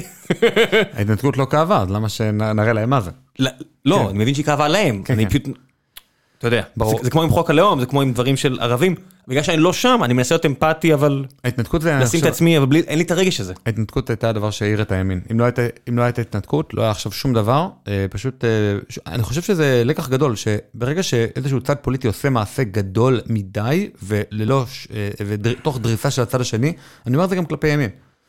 יהיה- אחר כך אה, backlash מצד שמאל או מצד ימין או מאיזשהו צד, וצריך להיזהר מצעדים כאלה אם אנחנו רוצים לחיות בחברה מתפקדת שלא כל פעם צד אחד מראה לצד השני, שמעת יריב לוין? אני, אני, כן לגמרי, לגמרי, ואני חושב שגם, תראה, אה, בסופו של דבר, אם הייתה לנו ממשלה של אה, לפיד ונתניהו, שהייתה מטפלת בנושאים האזרחיים, והייתה באמת מבטלת את קצבאות הילדים, ומורידה מיסים ועושה ליברליזציה כלכלית, כולם היו מרוויחים, חוץ מאשר אלה שאוהבים לשנוא את המחנה השני. טוב, היה פה כל מיני שאלות שחרגת, אני לא ביקשתי ממך, אבל uh, ענית של אנשים, התפתח דיון, אז אני לא אקריא את זה, תלכו לקרוא, יש שם דיונים עמוקים ומעניינים, באמת, אני אומר את זה, כן. Uh, מה נעשה עוד קצת שאלות, יש לך זמן? כן? כן, כן. לא, זה כבר מאוחר. אני... לא, אני, איתך. מגניב. Uh, כשראיינת בעל המשמעות, פודקאסט מעולה, לירן ברימר שואל, את שמחה רוטמן, נאמר על ידו שיש בעיה כשנבחר ציבור מפלה ציבור שלא בחר בו, כי לא ייענש על כך בקלפי על ידי בוחריו, או אפילו יתוגמל על כך. איזה מנגנון אם כך לדעתך אמור להגן על מיעוט מופלה, בהינתן פסקת ההתגברות וכל מיני שינויים כאלה ואחרים. שאלה נהדרת, האמת זה מנגנון השוק. זאת אומרת, אה, נגיד שלי יש עכשיו חנות מכולת ואני לא אוהב שאתיופים קונים אצלי. אז דבר ראשון, יש שם מלא מנגנונים שיכולים לעשות שיימינג לחנות שלי, שככה גם אנשים שהם קוראים על החנות שהיא חנות שמפלה אתיופים ולא נותנת שירות, או אפילו, אתה יודע, שירות כזה מגעיל. אפשר לתת שירות, אבל שירות מגעיל כלפי אתיופים, אז החנות הזאת תיפגע, ואני חושב שכל בעל עסק שחי משולי אה, רווח נמוכים, כמו רוב העסקים בארץ, בסופו של דבר לא רוצה להסתכן בזה שיעשו עליו שיימינג כזה גדול. הבעיה האמיתית היא, מה קורה אם הציבור שאתה משרת הוא הציבור המפלה, והוא היה רוצה שתפלה אתיופי, הוא היה רוצה שתפלה ערבי. פה זאת באמת בעיה, כי אם הוא לא מפלה ונותן שירות לכולם בצורה שווה, אז הבייס שלו לא יגיע אליו לעסק, ואז בעצם הוא נפגע בין אם הוא מפלה ובין אם הוא לא מפלה. ומנגנון השוק בעצם יודע, במקום שיש תחרות בין כמה עסקים, יודע לפצות על אפליה כזאת או אחרת. בתיאוריה. לא בתיאוריה. לא בתיאוריה. מנגנון השוק יודע. אתה לא ראית אף פעם שיימינג על עסקים?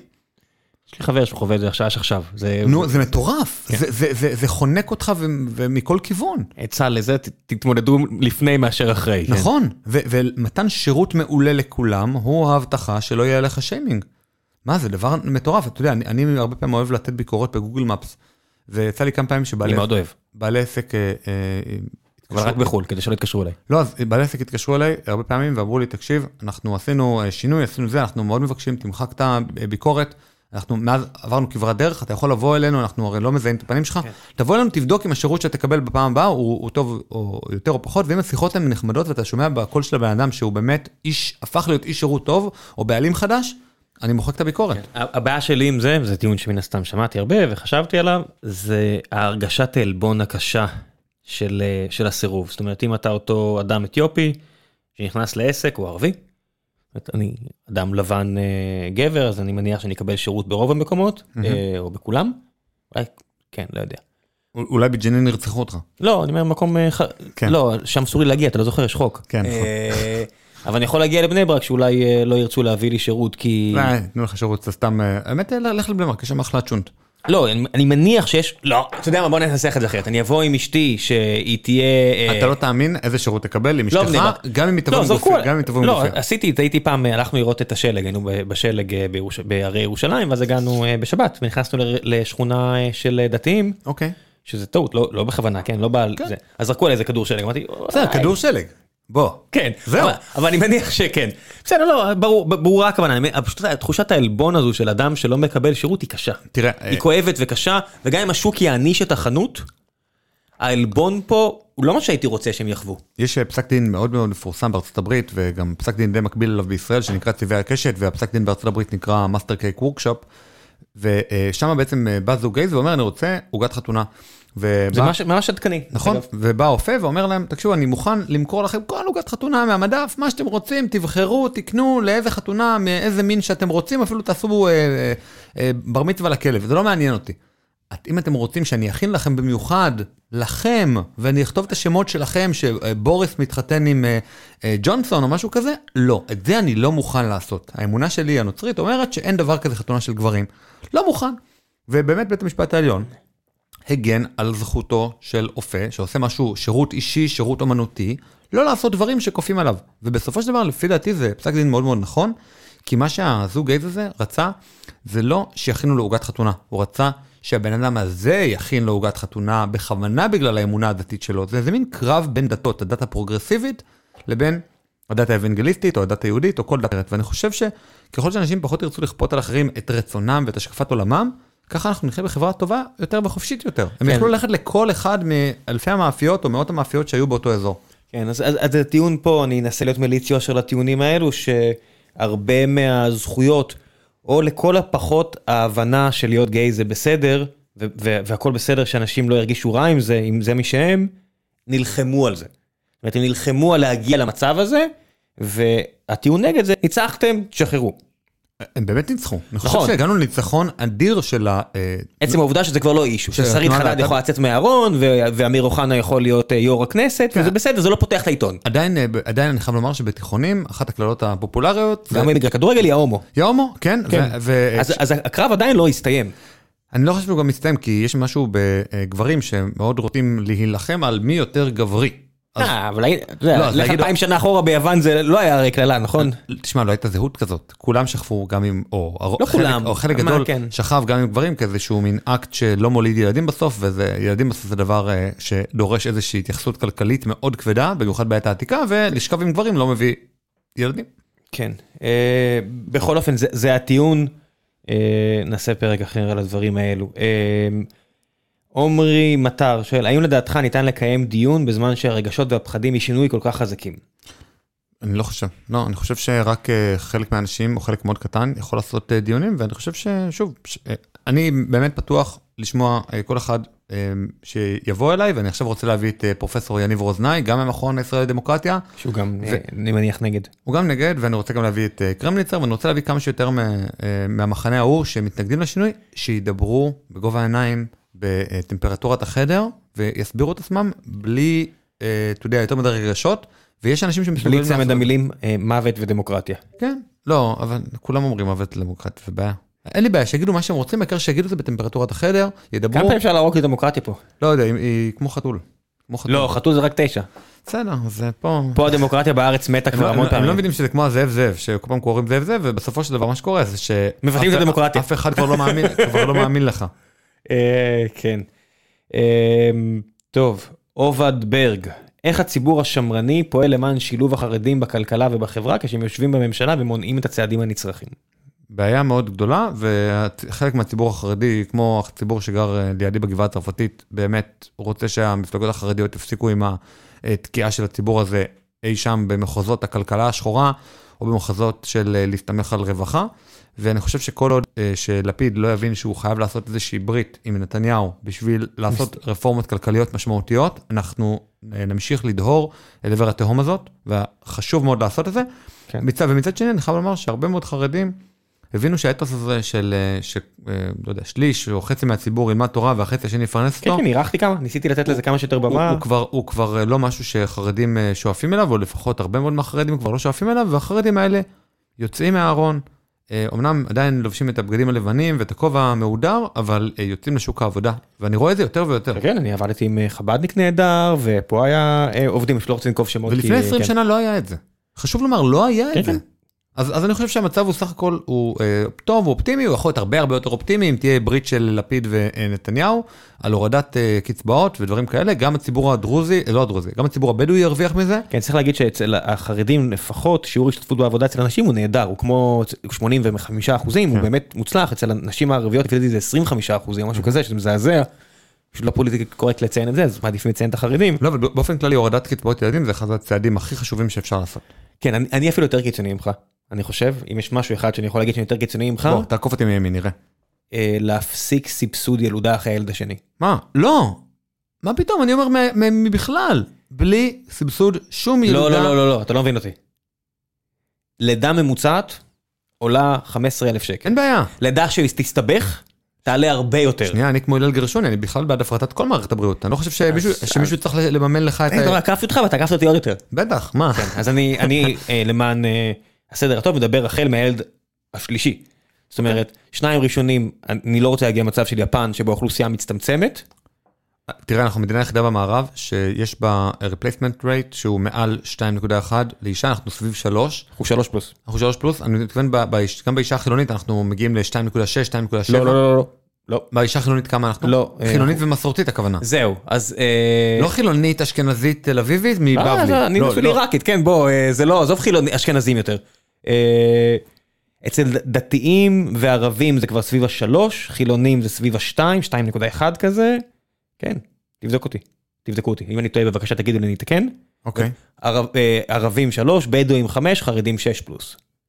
זה מטורף שש פלוס. תראה, אנחנו... גם ציונות דתית דרך אגב, עושים פרו ורבו מוצלח מאוד. נכון. ודאי, אבל אני אני אומר, תראה, אנחנו חייבים להיות מדינה ש- אה, שצומחת מבחינה דמוגרפית. כמה צומחת? עד לא, אינסוף? לא, לא אמרתי שבע לידות ממוצעות לאישה, לא, לא אמרתי דבר כזה, אני חושב שצריך אה, להישאר מעל ה-replacement rate, וזאת חרב חרב פיפיות אה, מאוד מאוד מסוכנת, לבוא ולרדת מתחת, כי אה, זה משנה גם לא רק את כמה האוכלוסייה גדלה ואיך אנחנו כחברה ישראלית, בלה בלה לא, בלה. לא, זה- זה זה ייתן אופק של... זה משנה את החיים של אנשים, יש להם כן, ילדים. קחו את T, שימו אותו על האינסוף. לאיפה אתם רוצים להגיע? זאת אומרת, עזבו תכנון מרכזי, דברו תיאורטית. T שואף לאינסוף, T זמן, על הרצף. כן. מתחת לשני ילדים ממוצע זה הולך לאפס. נכון, מעל שני ילדים ממוצע זה הולך לאינסוף. קחו את זה עכשיו לאיפה שאתם רוצים, זה מה יש. נכון, ויש, זה- זה מה שקורה. ותמיד כלכלות מפגרות יביאו יותר ילדים, ובסופו של דבר הם יכבשו אותנו באיזושהי דרך, אם, אם, אם נשאף לאפס. אז אני לא יודע, אז... כמו אה, אירופה. ונשאף כמו- לאפס בוודאי, כמו כן. אירופה. אם- רגע, כן, אתה מדבר על לשאוף לאפס, אני אומר, בלשאוף גבוה, הבעיה שלי זה שפשוט נהיה עניים ולא נוכל... היום- היום- היום צבא זה- זה כסף. לא, אני לא, אני לא חושב שנהיה עניים, אני חושב שאנחנו סך הכל, אה, ברוך השם, יודעים לחנך את הילדים שלנו ולהביא אותם לפריון גבוה, אין בעיה עם זה. אה, טוב, אופטימי פסימי. אה, שאלה לתמיר. תמיר עם ת' או עם ט'? עם ת'. התמיר שנשרף לו עסק הוא עם ט'. תמיר עם ט' יש בערך, לא יודע, 1 ל-20 תמירים עם ת'-. אני מכיר שניים. וואלה. אה, ושניהם נהדרים. אה, ארז לידור, האם לדעתך אה, בישראל יותר רלוונטית אידיאולוגיה של ליברליזם קלאסי או של שמרנות או שעטנז? אוי אוי אוי, עכשיו נכנסנו לתחום השמרנות, עד עכשיו התחמקתי מזה. אני לא אוהב את המילה הזו. אני גם לא. אני מעדיף ליברליזם. מה זה שמרנות? מה זה? אם זה לא טוב, למה לשמור על זה? שמרנות זה פשוט, אה, איך נכנסתי לזה? אל תיכנס לזה, עזוב, זה גם דיונים שהם לא לא מעניינים. אוקיי, סבבה. בעיניי, עשיתי אותם לעוקף. אז, אה, בישראל אני חושב שהציבור באופן כללי הוא חי חיים שמרניים, חי חיים, אתה יודע, ששומר על מוסד המשפחה ושומרים על הרבה מאוד מוסדות חברתיים אה, מקדמת דנא. אנחנו לא ציבור שרוצה מהפכות, אה, חוץ מאשר, אתה יודע, להחזיר עטרה ליושנה, נגיד להחזיר את בית המשפט העליון לאיך שהוא היה לפני אה, 30 או 40 שנה. אבל אה, כן, אני מאוד אה, ליברל קלאסי, אני מעדיף את זה על פני שמרנות, גם הרבה יותר קל להסביר את האידיאולוגיה הזאת, ושמרנות זה פשוט משהו שממש קשה להסביר וממש קשה לחבר אליו אנשים. אז כן, ליברליזם קלאסי הוא עדיף בישראל. אה, יש פה הרבה אנשים שהחמיאו לך, אבל בטח כבר ראית את זה. בוא נעשה קצת גם שאלות מטוויטר, אולי נחזור אחרי זה אם אין לנו זמן. יש אנשים שלא החמיאו לך, אתה מעורר הרבה רגש. טוב אה, מאוד. אה, אנשים ביקשו עוד לשמרנות, נמאס לי מזה, שוב שמרנות. אה, למה. אתה מראה את ההומופוב הזה שוב, אין הומופובים אחרים, זה היה נחמד. כן, מישהו רשם את זה? כן, אתה הומופוב? כן. לא, מה? אה, אמרתי כן. לא, לא, לא, לא, אה, צחוק על משהו נורא. לא, הוא קרא- לי הומופוב כי אני מתנגד לנישואי גאים. מה זה אומר שאתה מתנגד לנישואי גאים? זאת אומרת שאני חושב שהמדינה לא צריכה להעניק תעודות נישואין משום סוג, כולל לגייז. זהו. אז אני גם מתנגד לנישואי גאים. שים לב, שים לב את ההיפוך. אני חושב שמדינת ישראל לא צריכה להתערב בנישואים וגירושין, ולכן אני הומופוב. מעניין, נכון? כן, נו, זה לא טיעון מוצלח. נכון, זה- מה, הטיעון שלי? לא, שלא, נו, זה לא... אה, אוקיי. אני, אני גם... הנישואים זה נושא כל כך גדול, אבל זה שוב, זה, זה כחלק ממאבק רחב יותר, ובגלל שלי יש את כל הזכויות, אז אני לא... לא, שוב, אני קשה לא להיות אמפתי אני לגמרי. לא- כן. לא רוצה שהמדינה בכלל תעשה נישואים. זהו, נקודה. כן, אני... אנחנו יותר מדי מסכימים פה, אז אני לא יודע מה... זה- גורם המון אנטגוניזם, גם כלפי המוסד הדתי וגם כלפי היהדות, ופשוט זה רק הפסד לכל הצדדים, חוץ מאשר לג'ובים של ש"ס ואגודה. שואלים פה, מה ההבדל המהותי ביותר בין ימין לשמאל בישראל? אה, לאומיות אה, בסגנון של חיבור לאדמה אולי? אני לא יודע, אני חושב שגם השמאל וגם הימין בישראל. כרגע זה ביבי. אני חושב ש... שניהם שמאלנים. צריך להסכים שכרגע זה אבל ביבי. די עם זה. מה לעשות? אבל זה עובדה. אבל אבל הוא בסך הכל בן אדם, נגיד שהוא ימות. הוא בן 70 פלוס, זה תכף נכון. קורה. לא, אולי עוד 30 שנה זה יקרה, אבל אבא שלו הגיע למעל גיל 100, אבל אבל הוא לא יהיה... זה. לא יודע. זה- אבל- תפקיד מאוד קשה. לא יודע, אבל די כבר עם ביבי הזה, כמה אפשר לדבר אבל עליו? זה העובדה. הוא פשוט לא מעניין. אבל זו העובדה. לא יודע, אני משתעמם מזה. לא... אני מבין שאתה משתעמם מזה, כמו שאני משתעמם משמרנות, אבל זו העובדה. אז ההבדל בין ימין ושמאל בישראל זה אה, בסופו של דבר, אה, כשביבי לא היה בתמונה, אז זה היה איזשהו היה דבר חיבור- כזה? כן, כן, היה. אה, כשבגין היה. אז זה איזשהו חיבור נקרא לזה, לאדמה, או חיבור ללאומיות, או ליהדות במובן יותר רחב. אנחנו אה, מגדלים פה דור, יודע, כי כלכלה זה לא באמת היה נושא. אף פעם. נכון, אף פעם לא היה נושא, כי יש לנו סוציאליסטים פה לא, וסוציאליסטים שם. ב-85 בתוכנית הייצוב, ס- חברי כנסת מהליכוד, אמנם הם הצביעו נגד בגלל שהם חשבו שפרס עשה להם תעלול, אבל עובדתית הם הצביעו נגד. נכון, לא, בישראל אין אה, ימין כלכלי במובן הליברלי, במובן הקפיטליסטי, והיחידי ששם הוא איכשהו אה, באמת ליברל אמיתי זה פייגלין, ואולי שמחה רוטמן, ואולי ליברמן, ואולי, אבל לא, אין, אין ימין כלכלי בישראל, במיוחד בקרב הציבור. ב- אני חושב ש- אני חושב שגם החבר'ה שמנית, לפחות ליברמן, אני לא יודע עד כמה ליבו, ואני הצבעתי לו, כן? כן. אני חושב שפשוט הוא מצא גל והוא רוכב עליו, כן, מצא base חדש. כן, ואני לגמרי בעד אה, שאנשים יעשו מה שאני רוצה ויקבלו ממני צ'ופר בדמות קולי, קול לגמרי. בודד. חבל שמעט מאוד אנשים אה, עוקבים אחרי פוליטיקה בצורה רצינית ויודעים לצ'פר פוליטיקאים שבאמת עשו דברים אז טובים. אני אומר לך, הרבה אנשים שאני מכיר הצביעו לו, ושוב, אני אגיד שוב, אני לא מוכן לארח אותו בפודקאסט מסיבות ערכיות, אבל אני מוכן להצביע לו, כי אין לי, כי אני, מפ- אני מפרק את ההצבעה למשהו שהוא מאוד לא, מאוד תועלתני. זהו, בוא נעשה קצת שאלות. אלמוג כהן, שלוקח זמן מ... לוקח הפסקה מלעטות סרטונים אה, שבהם הוא רץ בכנסת, רושם, אה, אני לא חושב שזהו, שזה אלמוג כהן, אה, זה שם מאוד פופולרי בסך הכל. היה לך פרק מאוד מעמיק בנושא מערכת אכיפת החוק. אשמח שתשאל אותו מה דעתו על הרפורמה של לוין, אני מניח שהפרק אצלך, כי לי לא היה. ותשאל אותו מה דעתו על הרפורמה של לוין ומה הצעדים שלדעתך הכי חשובים שצריכים לעשות במערכת הקיימת. אז אני מקבל את כל הרפורמה כמו שהיא, חוץ מאשר פסקת ההתגברות, שאני חושב שלא צריך לחוקק אותה, מראש לפי החוק הקיים, אין לבג"ץ אפשרות לפסול חוקים, וזהו. אני ממש מחבק את הרפורמה הזאת בשתי ידיים. כן, מתישהו אולי גם, אה, אז כן, דעתי אמרתי, אני לא, פשוט אני לא חושב שאני אובייקטיבי, אני חושב שאני רוצה יותר ערכים כאלה ואחרים שבית המשפט הספציפי הזה עליון, ואני מכיר בזה שהסיבה שאני בעדו זה כי הוא ייצג ערכים כאלה ואחרים. הבעיה שלי זה שמערכת המשפט באופן כללי בישראל נוראית. היא נוראית. היא נוראית, אולי, אפשר לדבר לא רק על בית המשפט העליון, אלא לדבר על כך שבית המשפט, כל שאר, המערכת מזעזעת. מזעזעת, מטפלת בתיקים בצורה הכל מאוד לאט, מאוד הכל לא. מסודר, הכל, הרבה מאוד דברים לא עניינים. עכשיו, אני לא נחשפתי מספיק כי לא הייתי, קיבלתי פעם אחת תביעה ושילמתי מיד, כמו טאטאלי, כי אני לא רוצה להיות בבית משפט, אל תתבעו אותי, אני לא עושה את זה תמיד, רק שהעורכי דין שלי אומרים שאני חייב לשלם. אה, אבל יש לי מכרים שעובדים בפרקליטות, עובדים בכל מיני מקומות, מציירים תמונה מאוד רעה. תראה, זה לא, בעיקר הבעיה בישראל היא במשפט העסקי, אני מניח שאתה יודע, לא, אני לא יודע. לא, בתור איש עסקים. לא, יש לי עורכי דין שמטפלים בדברים. אוקיי, אז הרבה פעמים, אה, אם אתה עושה חוזים אה, גדולים עם אנשים אחרים, ובגלל שהמערכת משפט בישראל ברמה של חוזים, אז היא מאוד קשה לצפות אם בית המשפט יפסוק, כי שוב, הפרשנות... רולטה, הפרשנות- קובייה. אה, לא לא מגיעים לבית משפט כי זה רולטה. נכון, אז מה שעושים, עושים, מוסיפים צד שלישי, נגיד שעכשיו בורר? אתה, אתה חוט... לא, לא רק תנועת בוררות, נגיד שאתה עכשיו חותם הסכם עם איזה מישהו מאוד גדול, לא יודע, לרכישת שירותים או משהו כזה בכמה מיליונים, לא חוזים קטנים כן. מוסיפים צד שלישי שהוא מין אה, כזה, אתה יודע, מעורב באיזה 100-200 שקל בזה, אבל הוא מגרמניה. או מאנגליה, ואז התניית בוררות, התניית משפט הולכת לאנגליה, כי אתה לא סומך על בתי המשפט בישראל, הם עד כדי כך גרועים, שאנשי עסקים יודעים להכניס שותף פיקטיבי אנגלי כדי לא להישפט כאן בישראל. כך שמעתי. אה, לא, באמת, אני לא... אתה לא עושה את הדברים האלה? לא, לא קרה לנו. אה, אוקיי. אם היה לנו סכסוכים משפטיים כאלה ואחרים היו קטנים ונסגרו עם פשרות מהר מאוד ומקווה שאני לא אמצא את עצמי כי אני פשוט לא רוצה, אמן. אני אשמח לא לדרוך בבית משפט בחיי. לא זה נורא, אני חושב שהתפקיד הראשון של בית משפט זה להיות מהיר, באמת לתת דין כמו שצריך, כי הלילות האלה שאתה אה, ללא שינה בגלל שיש נגדך איזה משהו תלוי ועומד, הליך בין אזרחי בין פלילי, זה לילות מאוד קשים.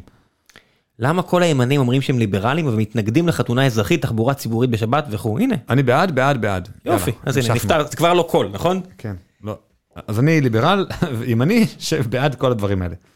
אבל לא טוב. תחבורה ציבורית, אלא תחבורה, הסעת המונים, שהיא לא ממומנת על ידי הממשלה, בכלל. טוב, זהו, אנחנו כבר כמעט בשעתיים, דיברנו הרבה, ענינו על שאלות, בוא תשאיר אותנו עם המלצות, תמיד יש לך המלצות טובות לספרים שאתה קורא, ו... סלע מהיר, כל מה שהולכים לי עכשיו גם ספרים, אני לא מצליח להגיע לכל, זה אחד החרטות הכי גבוהות שיש לי על אה, לעשות הרבה, אני לא מספיק כמעט כלום. זה, זה בעיה. יש כאלה שמקנאים גם בך וגם בי על כל הדברים שאנחנו מספיקים. אבל לא, אני לא מספיק, אני אומר את זה, הנה המחיר של לעשות הרבה פרקים, שאני בעבודה מאוד אינטנסיבית וכאלה, אני לא מספיק עכשיו לקרוא את כל הספרים שפעם יכלתי לקרוא, זה, זה, זה קצת מפריע לי וכואב לי. תראה, אפשר להגיד שאחד התחומים שהכי באמת אה, מדירים שינה מעיניי זה אה, תחום החינוך, לא החינוך עכשיו בישראל ורפורמות וממשלה, אלא... אלא- רוסו, בסיס, הרבה יותר בסיסי מזה, איך אנחנו כהורים מתייחסים, Mm. מתייחסים לילדים שלנו, יש אה, ספר באמת נהדר שהאזנתי לו באודיו, בתור audiobook שנקרא The Coddling of the American Mind, אה, זה ספר של ג'ונ- ג'ונתן הייט וגרג לוקיאנוף, אה, אחד אה, הוא פסיכולוג ב-NYU, Coddling of the American mind? כן, The Coddling. מהמם. והספר הזה, אה, הוא פשוט מראה שהערכים שלנו והרגש שלנו גורמים לנו לפנק את הילדים שלנו יותר מדי ולהגן עליהם יותר מדי, עד כדי זה שאני ואתה, אני מניח, הלכנו ברגל לבית ספר בכיתה א'-ב', נכון? משהו כזה? כן. והילדים שלך בחיים לא ילכו לבית ספר עד כיתה ו', זה. למה, מה הם עושים? איך, הם הולכים ברגל? יופי, אני שמח. הולכים איתי, מה הכוונה? אה, הם הולכים איתך, אבל אני הלכתי אה, לבד, אתה מתכוון העניין שלה ללכת לבד. ללכת לא לבד. לא על האקט הפיזי של הליכה, לא הליכה, אלא לא, לבד. ל- ללכת לבד ברחוב ולהתמודד לבד. אנחנו גם היינו בלי פלאפון, זאת אומרת, גם אם נתקענו בבעיה, פתאום מישהו התייחס לנו לא יפה, לא לא הרמנו טלפון לאימא, נתקענו. היינו, התמודדנו כן. מול העולם. עכשיו, הבעיה שלי זה הסטטיסטיקה שאני יודע על... אה, נורא מפחיד אותי תקיפות מיניות. אבל- ואני נחשף אבל למלא סטטיסטיקה רעה. אנחנו חיים, תראה, זה, זה, על זה בדיוק הספר, על זה שאנחנו חיים בתקופה הכי בטוחה בעולם.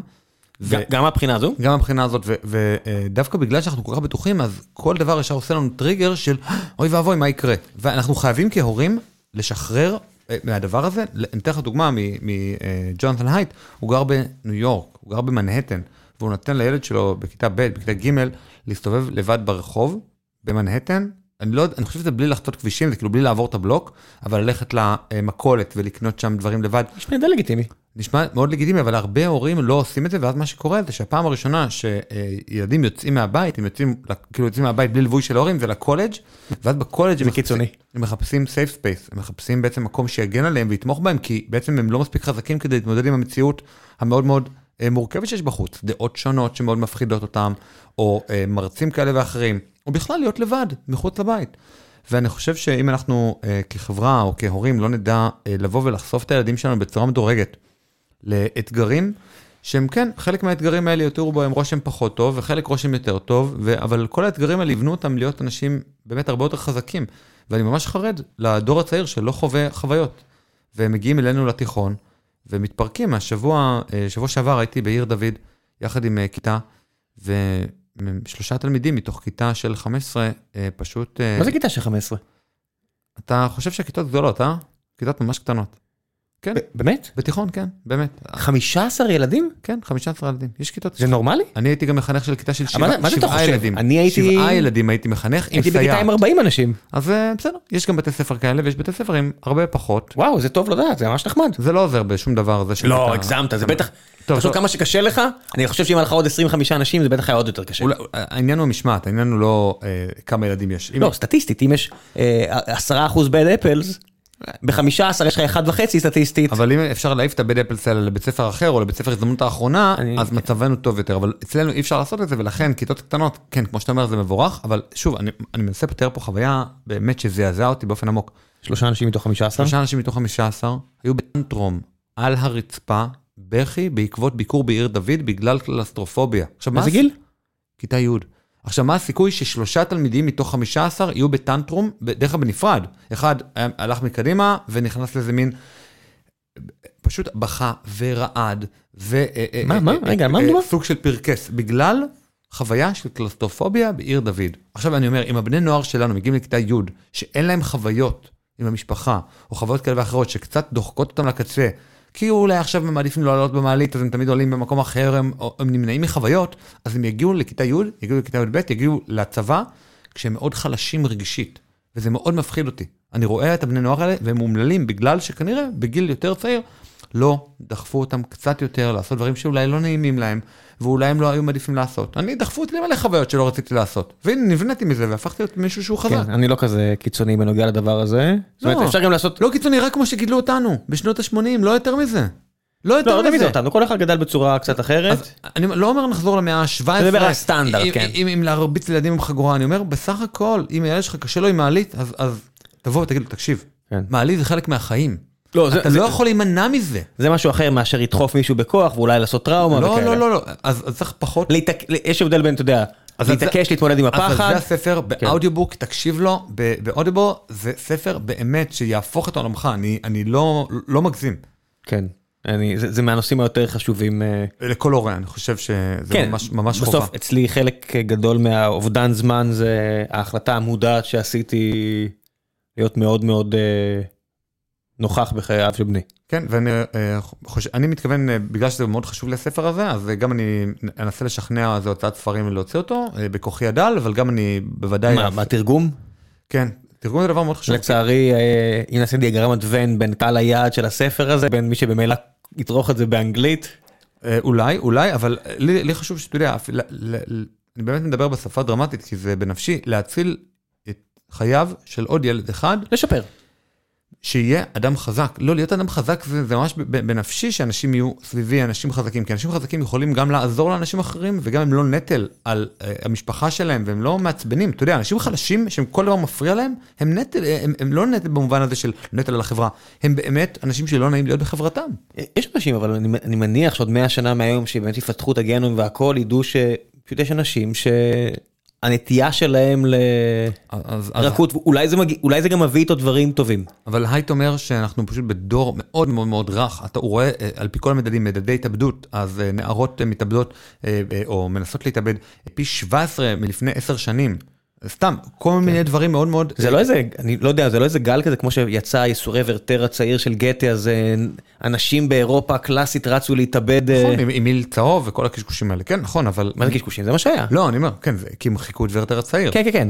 אבל אני חושב שבסופו של דבר חלק גדול זה מזה, זה- כן, זה- שהחיים שלנו מאוד מאוד נעימים, מאוד מאוד מחבקים. שוב, רובנו כן. אם, אם, אם אה, ילד אומר שיש לו בעיה עם מעלית, אז אומרים לו, אין בעיה, אמא תחזיק לך את היד ונלך דרך המדרגות, והכל כאילו עוקף את הבעיות, במקום לבוא ולהגיד, אוקיי, בוא נתמודד איתם.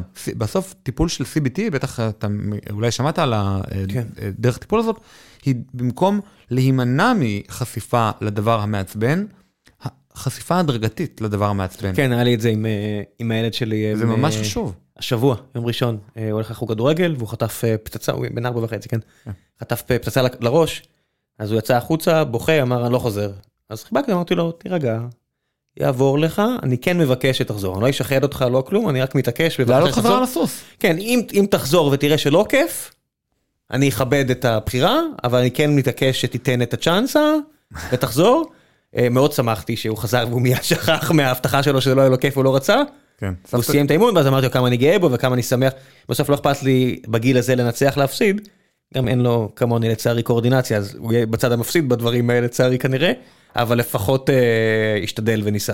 כן, אני חושב שזה... אוברקאם כן. אחד, אחד. אחד הדברים החשובים, גם סבתא שלי תמיד אמרה לי, סבתא שלי, זיכרונה לברכה, אמרה, תמיד, אה, תאכל- תטעם מה שהכנתי, אם לא טוב, תיתן לי סטירה. כמובן, אף אחד לא נתן סטירה לסבתא מעולם, אבל היא, כל כך הייתה בטוחה בעצמה שזה טוב, אז אמרת, יאללה, אני אוכל. לא, אז פה אני לא בטוח, פה נורא פשוט חשוב לי העניין הזה של אה, לפתח אה, אה, גריט. מילה שאני מאוד חשובה לי, והיכולת להתמודד עם קשיים וגם להפסיד זה מאוד חשוב. זה, נכון. זה משהו שהרבה אנשים לא יודעים לעשות, והם bad losers. נורא חשוב להפסיד, בגלל זה ספורט זירה ודברים כאלה, כן, אני בעד, אבל ג'ונתן הייט אומר משהו מאוד מגניב, הוא אומר, porn is to sex as אה, sport is to war. זאת אומרת, הפורנו מדמה אה, סקס, כאילו, הוא יכול לעזור לך אולי אה, להבין מה, מה הולך שם פחות או יותר, כמו שספורט עוזר להבין פחות או יותר מה זה מלחמה. יש מין הקבלות בין הדברים כן. האלה. זו אמירה של ג'ונתן הייט, הסופר של הספר שהמלצתי עליו. עוד המלצות?